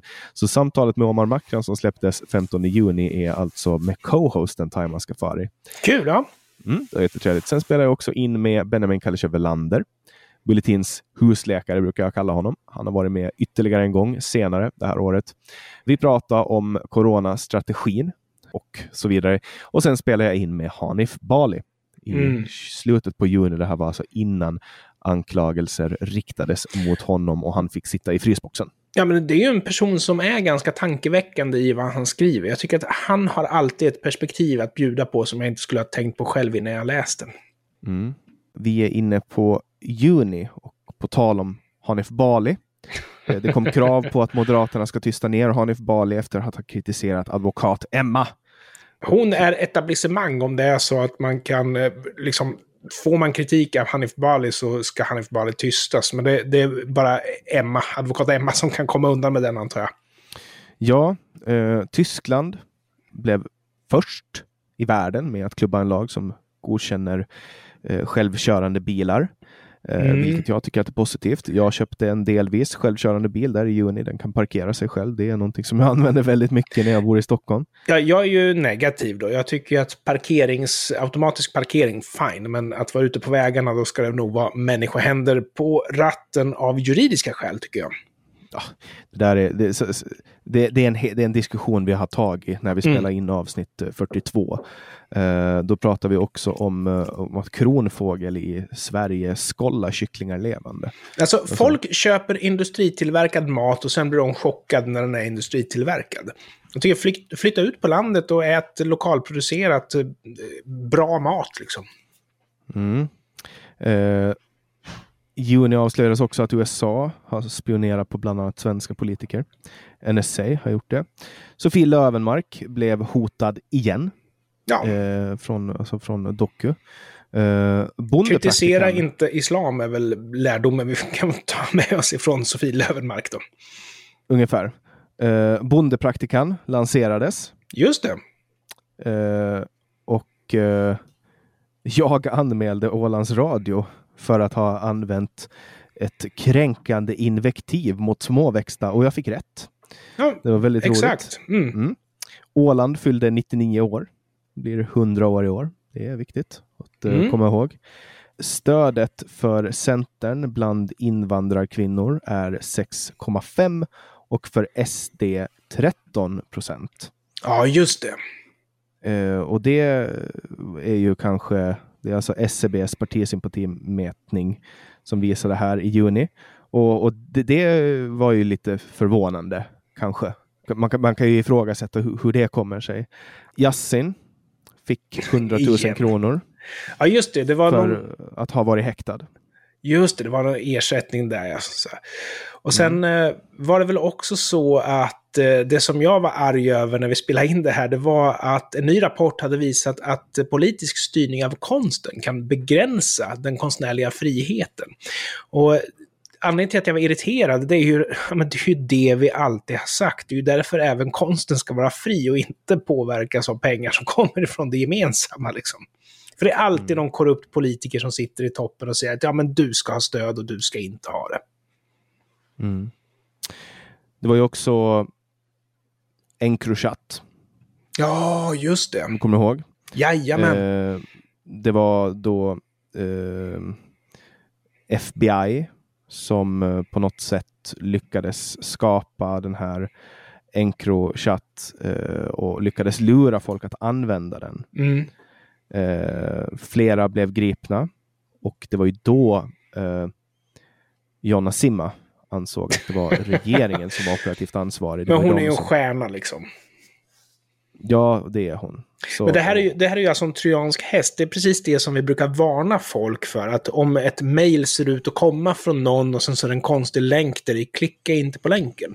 Men det FBI lyckades göra här, eller regeringen som Jonas Simma då tycker, det var att i princip göra en trojansk häst. Att man hade en falsk Encrochat som man hade tillgång till. Liksom. Mm. Och så kom det en rapport från Brå om eh, att det dödliga våldet med skjutvapen i Sverige har ökat. Gått från att vara i botten i Europa till toppen. Alltså Brå, de har blivit väldigt regeringsillojala den senaste tiden, tycker du inte det? Ja, man undrar, eller kanske de blir lojala gentemot vetenskapen. Eh, polis... Precis, äntligen! polischefen Erik Nord eh, skrev då i princip alla som skjuter eller skjuts i gängkonflikter har ursprung från Balkan, Mellanöstern, Nord eller Östafrika. Mm. Här har ju liksom locket har ju åkt av nu det här året, verkar det som. Det är bra att det är trögt, för jag tycker inte man ska ta lätt på anklagelser mot folkgrupper. Men det är ju å andra sidan, om man analyserar lite grann, så är det inte det det är. Det är ju snarare en kategorisering om vilka problem har vi i Sverige och då är ju integrationen ett av dem. Mm. Sen kom ju också då friidrottens nya policy. Man får ja. välja vilket kön man vill tävla som. Och det här, eh. alltså, här har vi ju en kommande vad ska jag säga, kritisk massa. Du får alltså, om du upplever dig som kvinna, spelar ingen roll om du är biologisk man, du får tävla som kvinna i friidrotten. Och jag tycker att det här är helt fine. Men det jag misstänker, det är ju att opinionen kommer att vändas emot att man får tävla som sitt upplevda kön om det är för många män som tävlar i kvinnoklassen det kommer att vända opinionen. Så jag, jag, tycker att det är bra, men samtidigt, det vi pratade om då var ju att jag är ju lite grann motståndare till att man har könsuppdelning i vissa grenar. Jag menar, varför ska du tävla i fallskärmshoppning i man och kvinnoklass? Varför ska du tävla i schack i man och kvinnoklass? Och så vidare. Ja, det är ju ingenting, alltså eh, vi vet ju att eh, kön inte påverkar intellektuell kapacitet. Eh, och därför så bör det inte kanske Nej. delas in. Och det Sen finns själv... det ju såklart vissa saker i hormoner ja. som påverkar beteenden. Men det blir ju en självuppfyllande profetia, för om det är så att du isolerar på kön i schack, då kommer de skillnaderna som faktiskt finns att inte neutraliseras i blandningen med andra skillnader, så att säga. Om det, om det skulle vara så att nästan alla som tävlar på toppnivå i schack skulle vara män, eh, då skulle det ju kanske finnas en anledning att göra kvinnoschack. Mm. Eh, men jag vet inte hur det ser ut där överhuvudtaget. Det här var i alla fall eh, någonting som eh, Svensk friidrott, eller som Friidrottsförbundet eh, det var en, en inkluderingspolicy som de antog.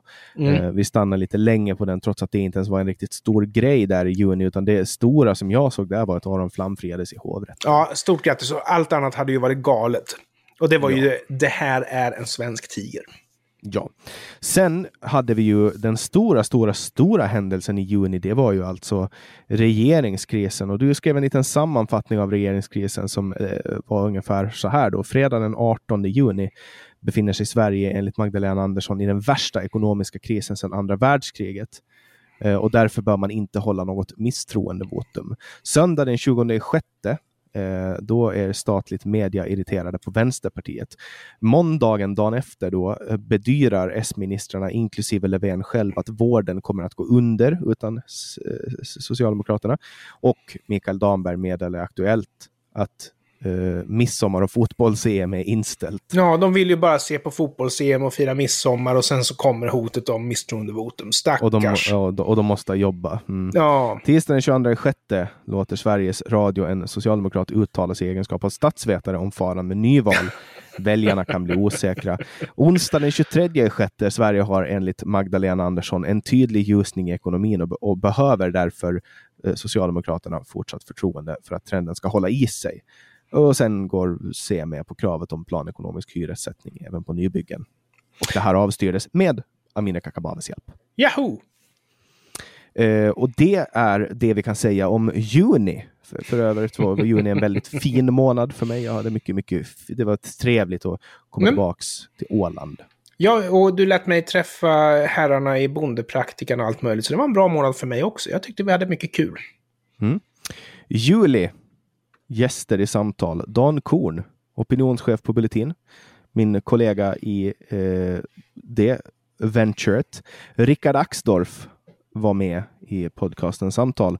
Eh, han fick vänta sig lite Eh, vi hann starta Bondepraktikan före han var med. Loai Ahmed, 27 år gammal, kom till Sverige när han var 20. Svårt att tro när man lyssnar på hans språk, utvecklade mm. språk. Mm. Och Arja Blatten, kanske sommarens ett av de mest streamade avsnitten. Alltså hans blev populär, för han är ju alltså medvetet kontroversiell. Jag skulle säga att han ställer sig på så kontroversiella platser så att han nästan blir ointressant. Men det, jag blev förvånad över att det var mm. han som drog publik. Ja. Liksom. Han är Sveriges största politiska youtuber. Så jag wow! Tror att det förklarar nog, förklarar nog det.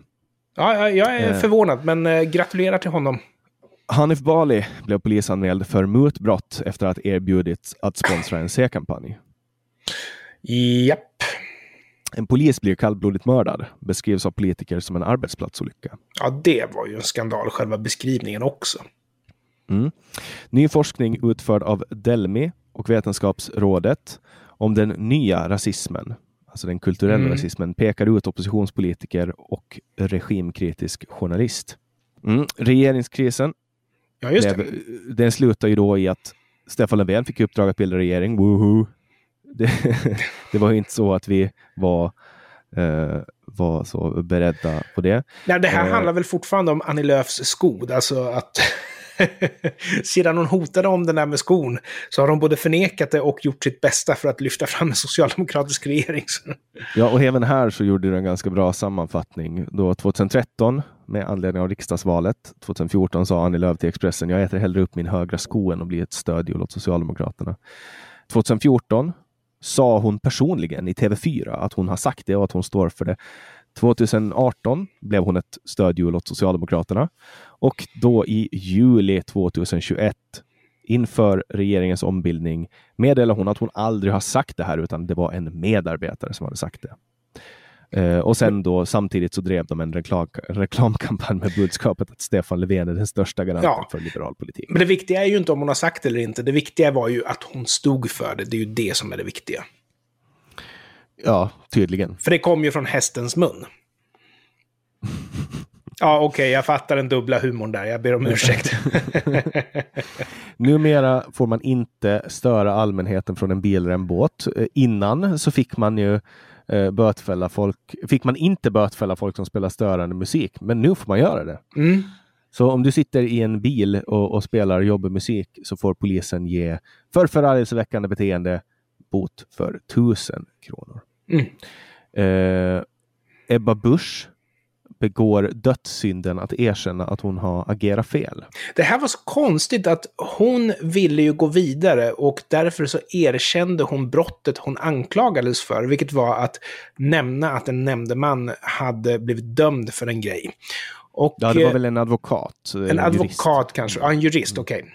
Och eh, då tror man att det ska vara över, men vänstern de reagerar ju snarare så att ah, hon är kriminell. Ja men herrejösses, det är ju ni också. Skillnaden är att hon tog sitt straff och erkände sin skuld. Det är ju det som är skillnaden mellan hon och er. Mm. Och den här regeringskrisen, vi får återkomma till den. det var ju Johan Hakelius då som skrev en jättebra sammanfattning i juli. Eh, som har med regeringskrisen att göra. Jag ska faktiskt citera den igen. Det här är från Eh, Fokus publicerat den 5 juli 2021. Författaren heter Johan Hakelius. För er som ägnar er, ägnat er åt annat idag. Här är dagens nyheter. Centern tänker rösta för Stefan Löfven men slutar samarbeta med Stefan Löfven. För att göra det har de fått ett löfte av regeringen att de ska få som de vill vad gäller arbetsrätt, strandskydd och skogspolitik. Fast Miljöpartiet, som är ett av regeringspartierna, lovar att det inte blir så. Men hur som helst, i fortsättningen ska Centern vara konstruktiv opposition förutsatt att deras hjärtefrågor också är regeringspolitik. Centern kan också tänka sig att samarbeta med alla partier utom de två som är nödvändiga för att samla en majoritet till vänster eller till höger och på så sätt skapa ett regeringsalternativ. Centern representerar istället den breda mitten som består av sex av riksdagens partier, inklusive Centern. Men eftersom två av de andra fem partierna är beredda att tala med Vänsterpartiet och de två kvarvarande tre är beredda att tala med Sverigedemokraterna kan Centerpartiet just nu inte samarbeta med något parti utom sitt eget.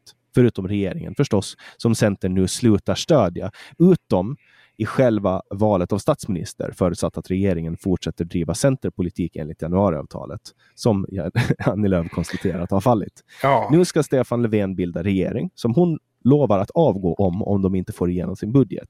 Som den ska se till att Centern, Vänsterpartiet och Amineh Kakabaveh alla accepterar. Fast utan att förhandla med Vänsterpartiet, för det har Stefan Löfven lovat Centerpartiet, som regeringen nu slutar att samarbeta med.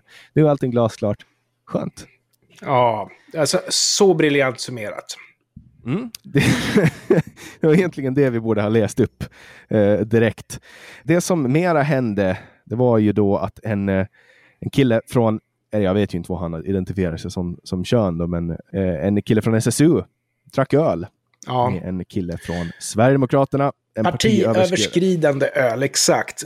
Vilket är någonting som vi måste uppmuntra, därför att hur vet vi att SSU tycker att uh, ungsvenskarna är dåliga om de inte får prata med dem? Exakt. Han fick gå, Alexander Paulsson fick gå från SSU. Ja, och samtidigt så är det ju så att SSU dras med problem eh, kring antisemitism och sådana saker och sparkar en person som dricker öl med en ungsvensk. Alltså, prioriteringsproblem är väl kanske det snällaste man kan säga om SSU. Mm. Yassin mötte, ja han fick ju, vi sa ju det, han fick ju lite pengar för att ha suttit. Han fick 100 000 av staten för att han hade suttit häktad. Stort Men han dömdes till tio månaders fängelse för förberedelse till kidnappning av en ung artist. eh, och eh, det var det om honom. Man hittade eh, två tidigare okända sprickor på Estonias skrov. Just det. Eh, sprickorna var 10 till 15 meter långa. Det är oklart om de, i, i det här läget då i juli så var det oklart om de uppstod i samband med eller efter förlisningen. Idag så påstår man väl att det har med bottenförhållanden att göra, men jag kan ju för lite om det här. Du är expert, inte jag. Ja, expert är väl långt ifrån, men jag kan in ett avsnitt. Jag kan en del, lite ja. om det i alla fall. Så, I Stockholm i juli då så hade eh, 13 personer skjutits ihjäl första halvåret. Därför så flyttar man projektet Sluta skjut, som fortfarande inte heter Sluta skjuta, eh, ner till Stockholm. Eh, så det, det, jag stör mig mest på med det här är att det heter Sluta skjut och inte Sluta skjuta. För att... Ja, det jag stämmer mest på är att de har friserat siffrorna för hur framgångsrikt det har varit. För jag tror faktiskt, om jag ska vara ärlig, att eh, effekten är ganska nära noll på kriminaliteten. Mm. Vidare i juli Eh, två barn blev skjutna i Sverige. Misstag. Båda skott. Mm. Satt och lekte. Jag, jag eh, tror att det var då som folk började vända mig i ryggen. För det var då som jag tappade humöret på regeringen. Och jag ska nog faktiskt gå så långt så att jag säger att jag förlorade några gamla långvariga vänner. Därför att jag blev förbannad. Eh, mitt förtroende har sedan dess varit 0,0 för socialdemokratin. Jag tycker att man har passerat alla gränser om man ska vara helt ärlig om man inte nu tar kriminalitet på allvar, utan fortsätter att göra valfloskor utav det, då är man inte människa i själen. Nej, så är det. Jeff Bezos flög ut i rymden. Just det. Jätte, jätte Just det. Vad ska miljardärer göra i rymden för? Varför ska de bidra till vetenskap och inte skänka bort sina pengar så att fattiga kan äta upp dem? Därför att fattiga kan ha en glädje av att samhället, utveck samhället utvecklas. Det handlar om the greater good, skulle jag säga. Mm. Han var i rymden i tre minuter och var tyngdlös. Sen mm. åkte de ner igen. Uh, han tog också med sig den 82-åriga piloten Wally Funk och den 18-åriga nederländska studenten Oliver Damon. Uh, och det för att ta rekord. Han ville ha den äldsta och den yngsta personen i rymden. Och det lyckades han med. Vi hoppar över till augusti, uh, en månad den åttonde i ordningen och Tobias Hübinette var gäst i samtal. Eh, intressant att träffa någon som Tobias som är väldigt kontroversiell och skapar väldigt mycket, men han var väldigt trevlig och jag hade för mig att det skulle vara mera udd i honom, mm. men han var väldigt lugn och trevlig och vi hade, vi hade det bra. Alltså, när man ser en person som säger alltså, ganska knäppa saker på Twitter, då bygger man upp en föreställning om att det måste vara en väldigt otrevlig person. Men där fick man ju verkligen sina, man fick utmana sina förutfattade meningar där, för han verkar vara ingenting annat än en väldigt rar person. Men med det sagt så är han ju, precis som du säger, kontroversiell i sina åsikter. Det går inte att ta mm. miste på det inte. Nej, så, så är det. Och eh, jag hade också med Marcus Murray, Mm. säkerhetsexpert i it-branschen. Vi pratar mycket om samtida stora it-kapningar som kostar stater och kommuner och företag väldigt mycket pengar. Saker man kanske inte tänker på i sitt vanliga liv, men som blir vanligare och vanligare. Om det händer någonting, då ska man ringa honom. Man ska inte ge lösensummor. Eh, jag träffade också Claes Bernpaintner som är ingenjör och ekonom. Eh, han har också tidigare varit direktör för Ludwig von Mises-institutet där jag har eh, lyssnat på hans poddar, läst hans texter. Ronny Berggren var med. Eh, han är expert på amerikansk politik och vi pratar lite om talibanernas maktövertagande i Afghanistan. Det var ju det som hände i augusti och vi kommer att toucha lite på det också. Nu ska vi gå igenom augusti. Eh, Ja, ja, alltså, du har ju sagt personliga saker, så jag måste ju få säga en personlig sak också. Jag har lämnat stan och flyttat ut på landet. Och jag kan ju också säga att det vi nämnde då, det var att Walter fick bära bjällra för att jag skulle höra om han rymde och för att han inte skulle ta smådjur och sånt där. Men nu, alldeles precis, har han befriat sig från den, för nu har han visat att han har noll intresse av att rymma. Så, där. så jag kan till och med ha dörren öppen ut och han stannar ändå hemma. Så jag växlar från att vara stadsbo till att vara lantis. Det var väl mitt, min viktigaste händelse i augusti det. Mm. Ja, eh, talibanerna klampar in i Afghanistan. Två interner på ett fängelse, Kebab eh, Pizzagate, alla Ja. kommer ihåg det. Det, ja. Eh, de blir ju senare dömda, vi kommer att ta upp det också lite senare. Eh, Vänsterpartiet i Alingsås söker efter bo- boktips för den som vill lära sig om marxism och socialism. Författaren Lars Wildereng tipsar om boken Gulag av Arne Appelbaum. De skildrar koncentrationslägren under Stalin. Och jag menar, det är ju den boken de behöver läsa, antar jag. Ja, eh, sen hade vi då i Göteborg en man som i Änggårdsbergen blev förföljd och trakasserad av en rev. Ja, han blev trakasserad av en räv. Och ringde tidningen såklart. Ja, och det här var ju väldigt roligt för han sa, eh, den här personen då sa att eh, det var som att reven psykade mig. Peak Jag tänk- 80-talist liksom. Jättekonstigt. Så han gömde sig eh, och försökte komma bort från den här reven. Han filmade den. Det var, jag skulle, alltså, skulle en rev följa efter mig på det sättet, jag skulle känna mig utvald. Det, det var jättegulligt. Ja, Man ser ju verkligen. om. Och skulle det vara en skabbrev, då försöker man att undvika den. Men, men eh, ja. Försvarsmakten köpte en annons där man poserar med prideflaggan. Det skapar en ganska stor Mm. eh, diskussion om huruvida en statlig myndighet ska beblanda sig i politik. Ja. Och eh, Annika Strandhäll eh, blev arg på Liberalerna. För Liberalerna skrev så här. Idag är det tio år sedan terrordåden i Oslo på Utöja. Vi får aldrig vika för extremism och antidemokratiska krafter. Idag riktar vi våra tankar till offren och deras familjer. Varav eh, Annika Strandhäll, eh, antagligen under någon hjärnblödning, skrev Detta inlägg smakar minst lite sagt illa när ni som liberalt parti samtidigt är beredda att underlätta för ett parti med rötter i svensk vitmaktrörelse och precis denna tanketradition som drev Breivik att få ett regeringsinflytande. Alltså underlätta för... Alltså för det första så är det ju så här att eh, Moderaterna har varit väldigt tydliga med att aldrig släppa in Sverigedemokraterna i en regering. För det andra är det så här att pratar man om rasistiska rötter så ska man inte vara socialdemokrat om man kritiserar det. För det och jag menar, mycket av det här som blev falskt enligt vänstern när Aron Flam tog upp det är för riktiga historiker fortfarande ytterst sant. Och när vi inte ens kan lära oss av vår historia, då kommer vi göra samma misstag igen. Så en eh, stor tumme ner till Annika Strandhäll. Mm. en, det var ju så roligt. En politiker, en eh, centerpolitiker, Bo Hagström, i någon kommun där ute i Sverige, eh, i Gullspång, Ja, eh, som åkte fast på en fartkamera. ja men herre Man ser, man ser att det är han, man ser att det är hans glasögon, men han säger att han inte vill uppge vem det är som har kört. det är jätteroligt. Jag vet inte om han fick böter för det, men i vilket fall som helst, i Finland så får du böter ändå. Ja, Eh, så det men i ja. Sverige så vill man belöna att folk är lite smart-ass. typ. Talibanerna närmar sig Kabul. Svenska militärer lämnar tillbaks, vissa då, lämnar tillbaks sina medaljer från Afghanistan för att Just de det. Protestera vad som hände. Och Joe Biden ångrade inte att han drog tillbaka trupperna från Afghanistan och förstörde allting som har byggts upp där under de senaste 20 åren. Eric Clapton vägrar spela där man sa att eh, det skulle behövas eh, coronapass och det har han hållit med eh, hela, mm. hela tiden. Han har fortsatt samtidigt som ni i Örebro hade discovaccinering för att få flera att vaccinera mm. sig. Just Eric eh. Clapton, jag, jag, har svårt att säga om jag tycker att han är ett geni eller om han är galen. Jag har jättesvårt att säga det, men eftersom jag tycker om hans musik så lutar jag ju åt geni. Men det, det är ju för att jag är extremt partisk där. Jag gillar bara hans musik, tyvärr. Mm. Flygbolaget Lufthansa slutade säga mina damer och herrar. Det gjorde mig och... däremot kränkt.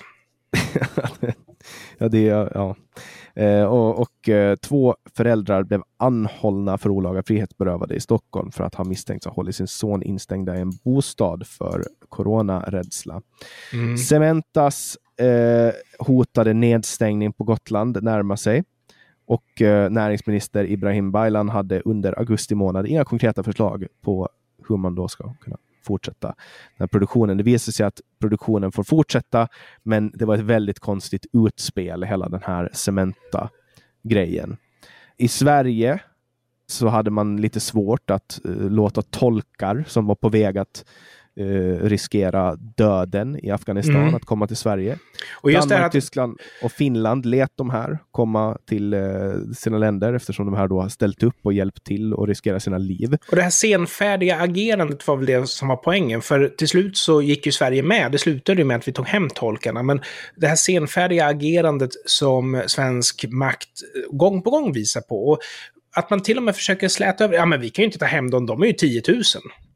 Ja, och sen var det ju ett brott mot grundlagen också enligt eh, det finns Morgan allt. Johansson. Och ja. sen när de väl hade fått tummen ur röven och tagit hem dem, då, då gick det tydligen bra. Ja, det ja. hade gått bra från början, men ni är inte ärliga mot folket. Ja, Sverigedemokraterna, nej, Sverigedemokraterna Sveriges Television skickade in Belinda Olsson för att göra ett program som heter Från savannen till Tinder. Mm. Där man då ska prata om könsskillnader. Så helt plötsligt så erkänner SVT att det finns könsskillnader. Ja, de släpper åtminstone fram Belinda Olsson i att göra programmet, men försvarar sig väldigt ängsligt på hemsidan om varför man gör det här. Och då kan man ju tycka att ja, men den här blidgande texten som Sveriges Television då skriver för att de släpper igenom det här programmet, det borde väl stilla kritikerna som anser att det inte finns någon biologisk skillnad mellan män och kvinnor. Men icke. Jag tror att det jag sa här, det var ju att till och med liksom hjärnan är ju konstruerad annorlunda på män och kvinnor. Vi funkar olika och vi gör olika val. Självklart är en stor del socialt. Men den biologiska skillnaden är stor. Alltså det är större skillnad biologiskt mellan en man i Sverige och en kvinna i Sverige än vad det är mellan en man i Sverige och en man i Afrika. Mm. USA skickar tillbaks 5000 soldater till Afghanistan för att kunna eh, säkerställa evakueringen. Man hade inte räknat med att det skulle gå så snabbt, men Nej. uppenbarligen så satt ju talibanerna och väntade på det här. eh, det var också våra vänner på, jag tror att det är Vänsterpartiet i Allingsås som föreslog att Annie Lööf borde bli den nya socialdemokratiska ledaren efter att Stefan Löfven eh, Stefan, lite franska där, Stefan Löfven oui. eh, avgick eh, i augusti. Eh, ganska snabbt eller direkt så, så lyfter man fram Magdalena Andersson som en kandidat och nu vet vi ju att att uh, hon är den nya statsministern, men det visste man inte då. Jag tror att vi hade misstankar om det på grund av lite freudanska felsägningar och sånt där, men officiellt så visste vi det inte. Nej, men man kan väl säga att det är ganska, alltså så här, när ett sådär stort parti som Socialdemokraterna, maktparti, säger att det här är antagligen nästa, då är det så. Ja. De har ju bestämt allting på förhand, det vet vi ju. Ja. Polisen eh, har en superbil som eh, kan mäta farten på mötande trafik. De, eh, kan, ja, de har massa coola kameror som kan göra allt möjligt och ge folk böter automatiskt och läsa av registerplåtar och bla bla bla. Den blev stoppad för man visste inte riktigt om det är lagligt helt enkelt. Kanske man borde ha funderat på det innan man beställde bilarna, men, men du vet, så gör ju man inte inom offentlig förvaltning. så, eh, Rebecka Weidmo väl kollar på miljöpartistiska riksdagsledamöter och deras bilar. Ingen kör på el, konstaterar hon. Eh, och så kan det ju gå. Eh, det är ju, de lever ju inte som de lär och det vet vi ju att så är fallet.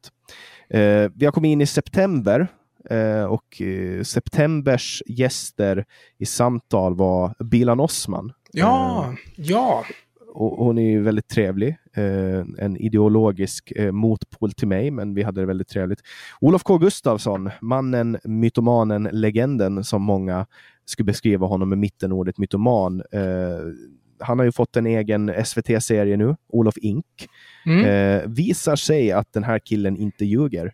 Han är omåttligt framgångsrik och han är omåttligt provocerande och det här sticker i ögonen på folk. Wow.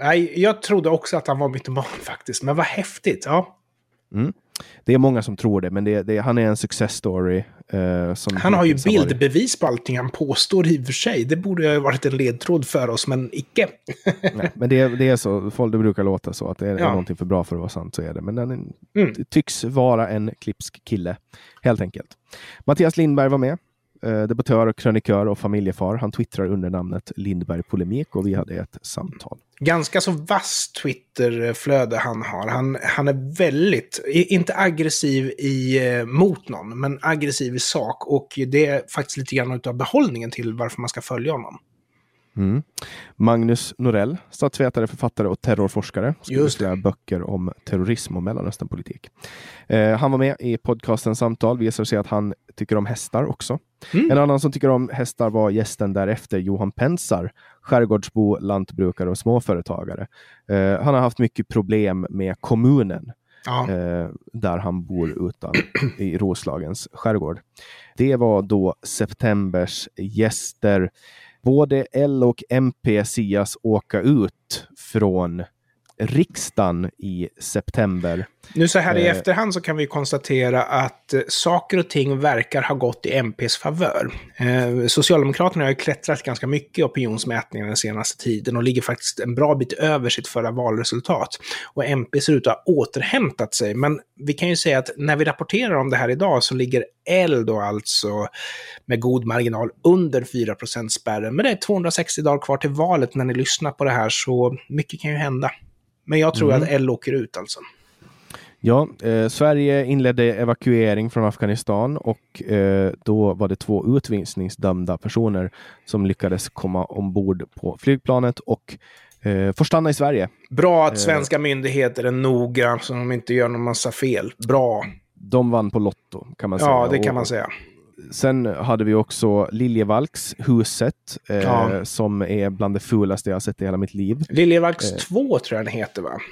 Ja. Eller plus, plus. Nej, Liljevalchs plus. Ja. Plus. Jättekonstigt. Eh, det kostar 440 miljoner kronor över budget och är jättefult och inte dit och titta på det.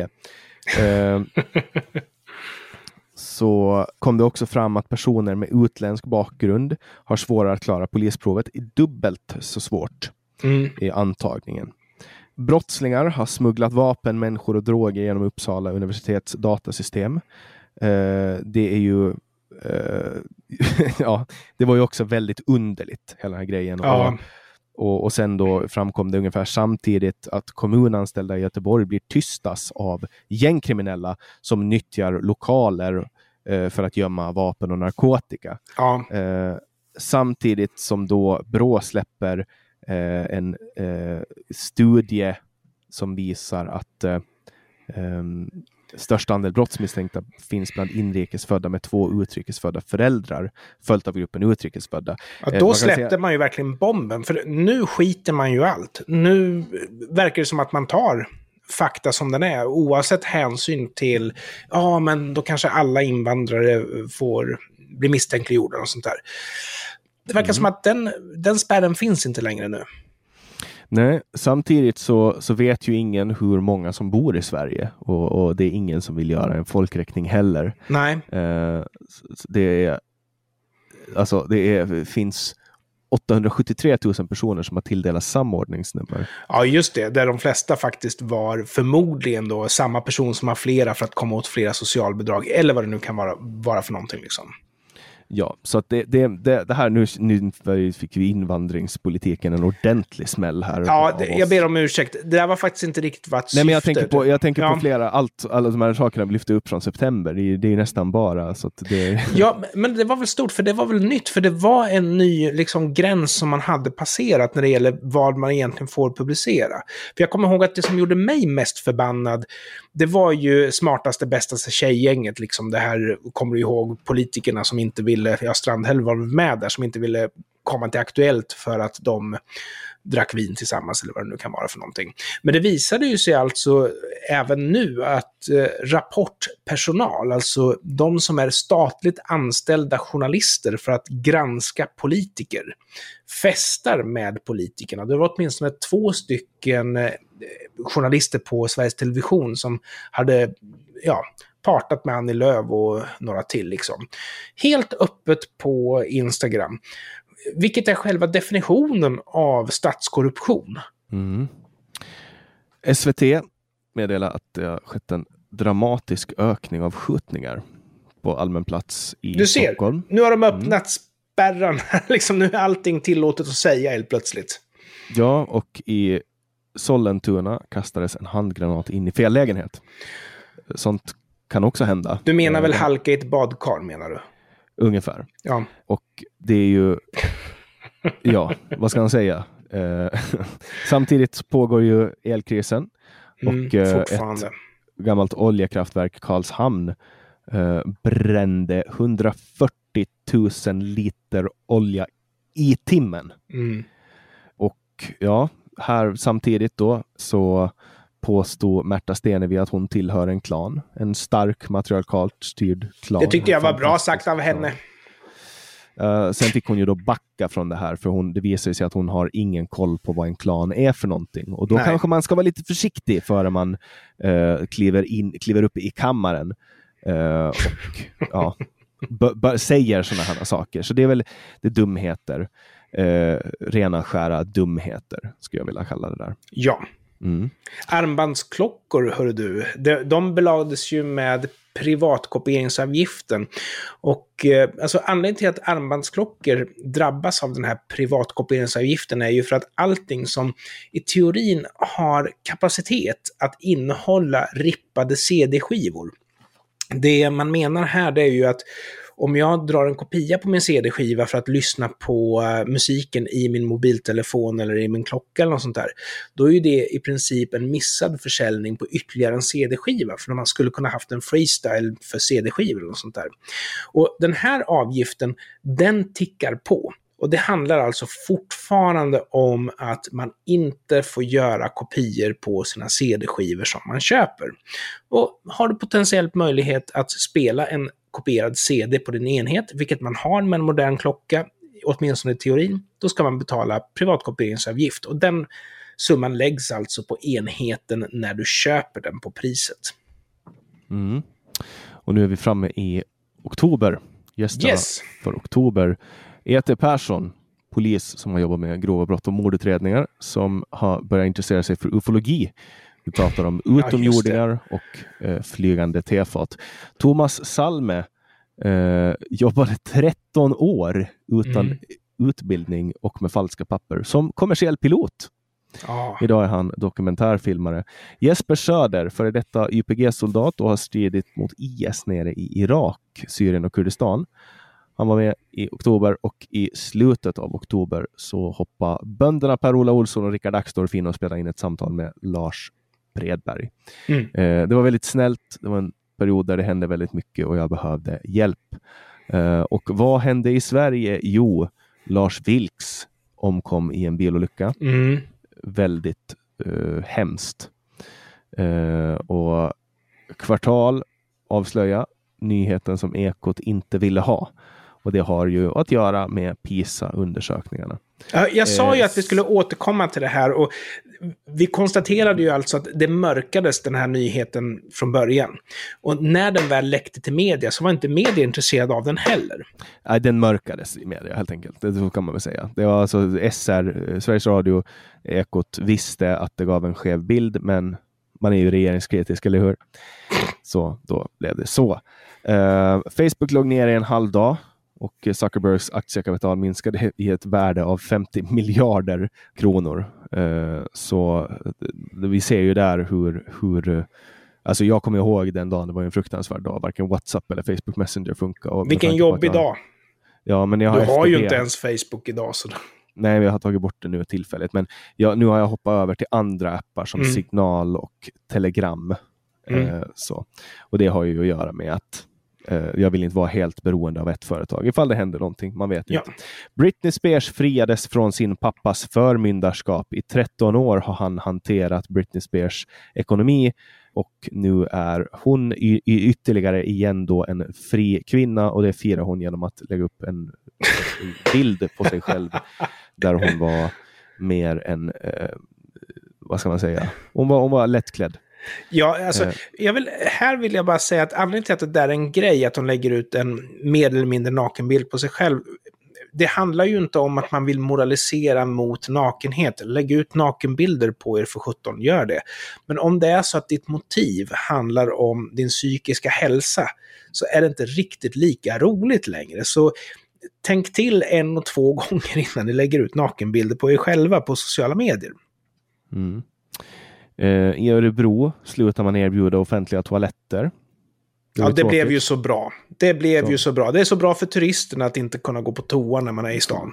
Du får gå och kissa i Svartån. Ja, och grejen är att gör man det så blir man ju dömd för förargelseväckande beteende och testa inte, utmana inte ödet där, för jag vet att man blir det. mm.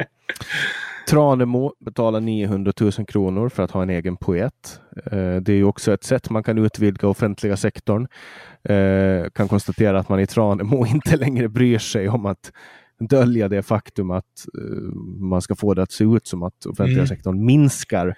Uh, det, är, det är så de har levt tidigare. Ja, dessutom så finns det ju ett signalvärde i att en riktig poet, det är ju en poet som får skattemedel. Man vill ju inte vara någon swish-hore-poet som lever på sina egna meriter. Liksom. mm. SSUs ordförande Lisa Nobo gick ut och sa om Cementa, straffa dem, se till att det blir riktigt jävla dyrt eh, hård retorik från SSU angående Cementa. Men det är ju bra Kanske... att vi har politiker som verkligen förstår hur verkligheten fungerar. Jaha, tar ni eran cement ifrån marken? Nej, det går inte. Men sen ska mm. de ha sina höghastighetståg och allt vad det nu är som kräver en massa jäkla cement. Men det ska väl vara miljöfarlig turkisk cement som dessutom har fått transporterats i lastbil. Annars så duger det liksom inte åt SSU. Eller hur? Eh, vi är redan inne i november. Vi, har, vi, är, så ny, vi är så närtid eh, så att vi kan ta det lite kortare. För folk kanske har det liksom ja. i, färskt i minne så är vi lite kortare. Men vi är redan inne i november och gäst i podcasten Samtal november 2021. Det var Claes Littorin, ytterligare mm. ett inspel av bönderna Per-Ola Olsson och Rickard Axdorff från Bondepraktikan. Eh, ett David bra Lindén. avsnitt, vill bara rekommendera det avsnittet. Alltså, Okej, okay, jag ska inte hålla på att rekommendera, för David Lindén var också ett intressant avsnitt. Ja, David Lindén är också, han är ju helt otrolig. Jag har ja. nyligen läst hans bok. Eh, Oerhört intelligent person, ja. Ja, jag läste hans bok Stockholms blodbad. Han är en väldigt bra historiker. Ja. Eh, Otto Larsson, cannabisaktivist och driver sajten Cannabis i fokus. Han var med i november. Och också Emil Nilsén från Dalarna. Mm. Föreläser och coachar inom ämnet ADHD, kör paketbil och driver samtalspodden Vi måste prata. Ja, och det blev ju en bekantskap eh, tack vare dig, så det vill jag tacka dig för. För jag har lärt känna honom genom dig och det har varit en alldeles utmärkt trevlig bekantskap. Ja, han har ju hoppat in eh, här i Generation YX. Jag tror det var mm. i augusti som han vikarierade för mig. November hade jag med Chris Forsne. Jobbat som journalist i 40 år, som Paris-korrespondent, jobbat på SVT. Det här var ett samtal som blev oerhört eh, uppskattat mm. av lyssnarna. Eh, så det rekommenderar jag alla att gå in och lyssna på. På nyhetsfronten SD ville utreda om man kunde stoppa gangsterrap i public service. Men vad fasiken! mm. Och eh, klimataktivister limmade fast sig på flygplatser runt om i landet. Det var ju... Åh herrejösses, ja. Är inte det ett lagbrott? Ja, lagbrottet kallas så mycket som limma inte fast er på flygplatser. De kommer att ta bort er därifrån och så får ni böter. They're coming to take you away. Aha. Ja, men det är antagligen, du vet, eh, så, eh, Miljöpartiet får ju statligt Mm. partistöd och det är antagligen de pengarna som betalar böterna. Vet, det, det blir rundgång. De går tillbaka in i statskassan. Sveriges första kvinnliga statsminister. Vi visste ju då, Gratulerar. november, att hon Mm. skulle bli statsminister. Eh, inte demokratiskt vald, men det spelar ingen roll. Eh, Det är synd ur det feministiska perspektivet att just Sverige inte fick en demokratiskt vald statsminister som var en kvinna. Det lyckades ju alla våra grannländer med. Ja, man, man ska ju kanske, fast nu, det, det är signalvärdet som är viktigast för Ja, dem. Det spelar ingen roll. Det spelar ingen roll. Skulle det ha varit, Ja. eh, ja, alltså skulle, skulle, skulle det ha varit vad annat som helst, alltså de bara vrider allting till sin fördel så är det. Esbjörn eh, tog ett nytt ombud och vill ha tillbaks sitt hus nu. Han glömde bort att han eh, skrev på ett förlikningsavtal och vill nu eh, ha huset igen. Eh, han, Han ger sig inte. Han är ju utsatt för påtryckning. Han skiter ju i det där fallfärdiga rucklet. Och grejen är att svensk vänster älskar personer som utsätter gamla män för påtryckning. Vi vet ju däremot inte, vi, vet ju inte med Jo, säkerhet. vi vet det. Mm. Eh, Skandiamannen åter på tapeten efter en eh, Netflix-serie om den osannolike mördaren. Mm. Eh, och eh, tre av fyra utsattes inte för brott i södra Sverige. Det var så, det var så SVT, eh, ska jag säga, Ja. Sveriges Radio eh, tog fram, eh, ly- lyfte fram det här. Nu, Jannik, medan vi talar så är en av rubrikerna från Sveriges Radio att svenska flickor är överrepresenterade i tvångsäktenskap. Kan du ana en viss vinkling även på den rubriken? Alltså, det är deras grej. Sveriges Radio being Sveriges Radio. Mm. Ja, ja, det är väldigt konstigt. Eh, infrastrukturminister Thomas Eneroth klappade en kvinna på rumpan på partikongressen. Ja, just det. Blev sedermera polisanmäld av Jan Emanuel, Jan, Jan Emanuel Johansson, eh, men blev ingenting av det. Mm. Nej, och jag tror inte det finns inga bevis, men de som känner honom Ja, han säger har ju ju att- erkänt det. Ja, han har ju erkänt det. Och de som känner honom, de eh, säger ju att han är en person som utnyttjar sin maktposition genom att ta sig friheter. Men det håller ju inte i rätten. Och, eh, så jag menar, håll bara avstånd till honom.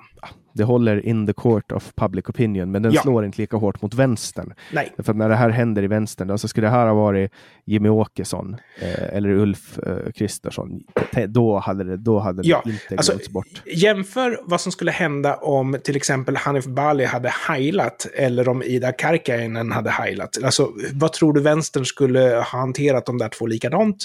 Not so much. Nej. Strömmen gick på Södermalm och dieselaggregaten kom fram för att driva vägtullarna därför att vägtullarna måste in. Det är sedan gammalt. Timbuktu blev hedersdoktor i litteratur. Ja, det var ju Eh, en skandal. Ja, det var lite Den konstigt. in- intellektuell härdsmälta får man ju säga.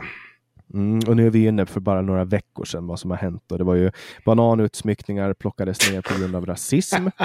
eh, vaccinpass infördes i Finland. Ja, alltså vi är ju väldigt i närtid nu. Vi har ju också att eh, Julian Assange eh, ska eventuellt lämnas ut till USA. Eh, Expressen eh, tystar en visselblåsare, Frida Sundqvist på grund av att hon har lyft upp missförhållanden på tidningen.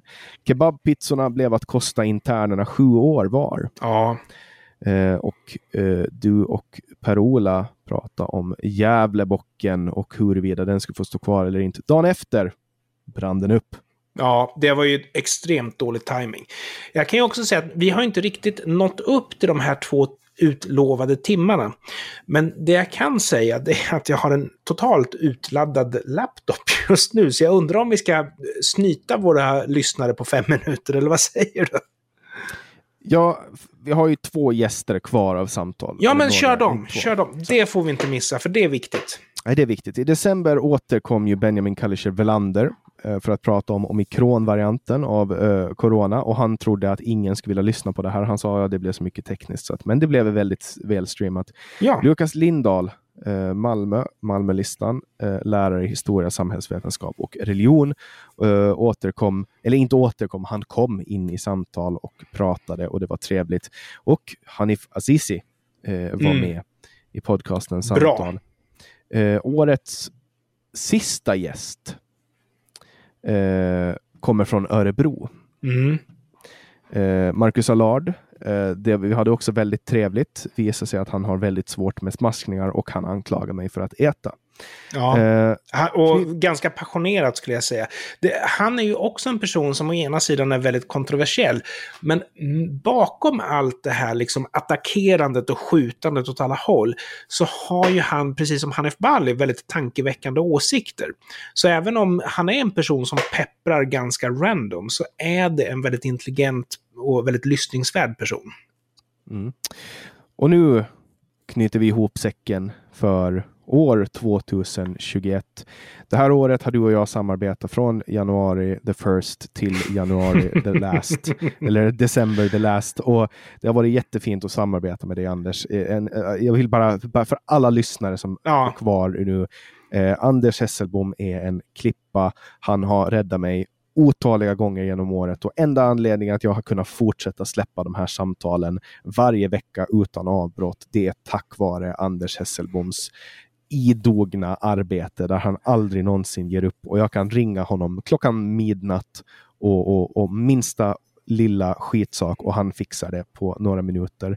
Eh, Jag kan säga Anders- att det är inte helt utan att det är ett nöje från min sida också. Alltså, du har berikat mitt liv, det har varit jättetrevligt att lära känna dig, Jannik. Och eh, nu har vi snytit våra lyssnare på fem minuter genom att släppa en årskrönika som är ändå 55.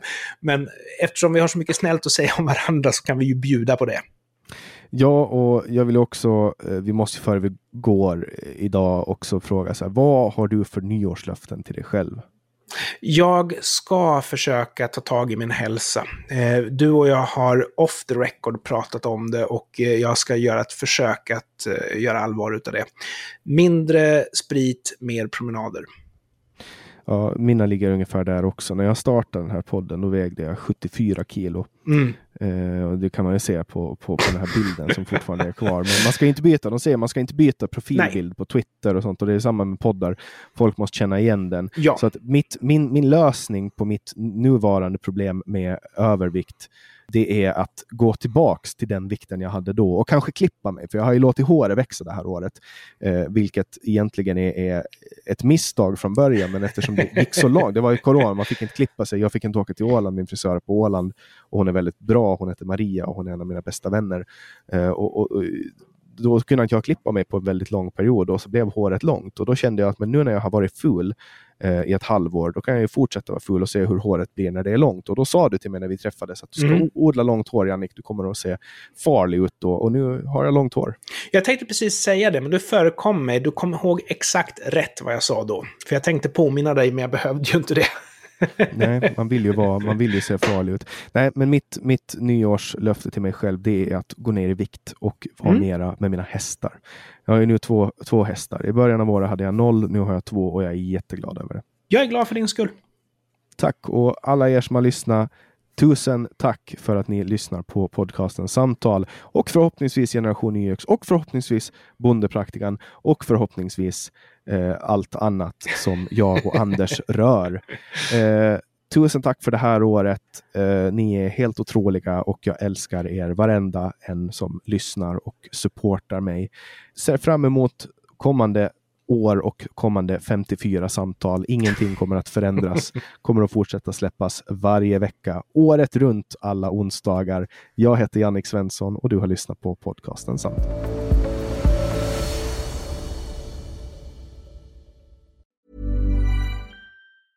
Mom deserves the best, and there's no better place to shop for Mother's Day than Whole Foods Market. They're your destination for unbeatable savings, from premium gifts to show-stopping flowers and irresistible desserts. Start by saving 33% with Prime on all body care and candles. Then get a 15-stem bunch of tulips for just $9.99 each with Prime. Round out Mom's menu with festive rosé, irresistible berry chantilly cake, and more special treats. Come celebrate Mother's Day at Whole Foods Market. Hey, Hey, it's Danny Pellegrino from Everything Iconic. Ready to upgrade your style game without blowing your budget? Check out Quince. They've got all the good stuff shirts and polos, activewear, and fine leather goods, all at 50 to 80% less than other high end brands. And the best part? They're all about safe, ethical, and responsible manufacturing. Get that luxury vibe without the luxury price tag. Hit up quince.com slash upgrade for free shipping and 365 day returns on your next order. That's quince.com slash upgrade. When you make decisions for your company, you look for the no brainers. And if you have a lot of mailing to do, stamps.com is the ultimate no brainer. It streamlines your processes to make your business more efficient, which makes you less busy. Mail checks, invoices, legal documents, and everything you need to keep your business running with stamps.com. Seamlessly connect with every major marketplace and shopping cart. Schedule package pickups and see your cheapest and fastest shipping options from different carriers. With rates up to 89% off USPS and UPS rates. And with the stamps.com mobile app, you can take care of mailing and shipping wherever you are. Make the same no-brainer decision as over 1 million other businesses with stamps.com. Sign up with code program for a 4-week trial plus free postage and a free digital scale. No long-term commitments or contracts. That's stamps.com. Code program.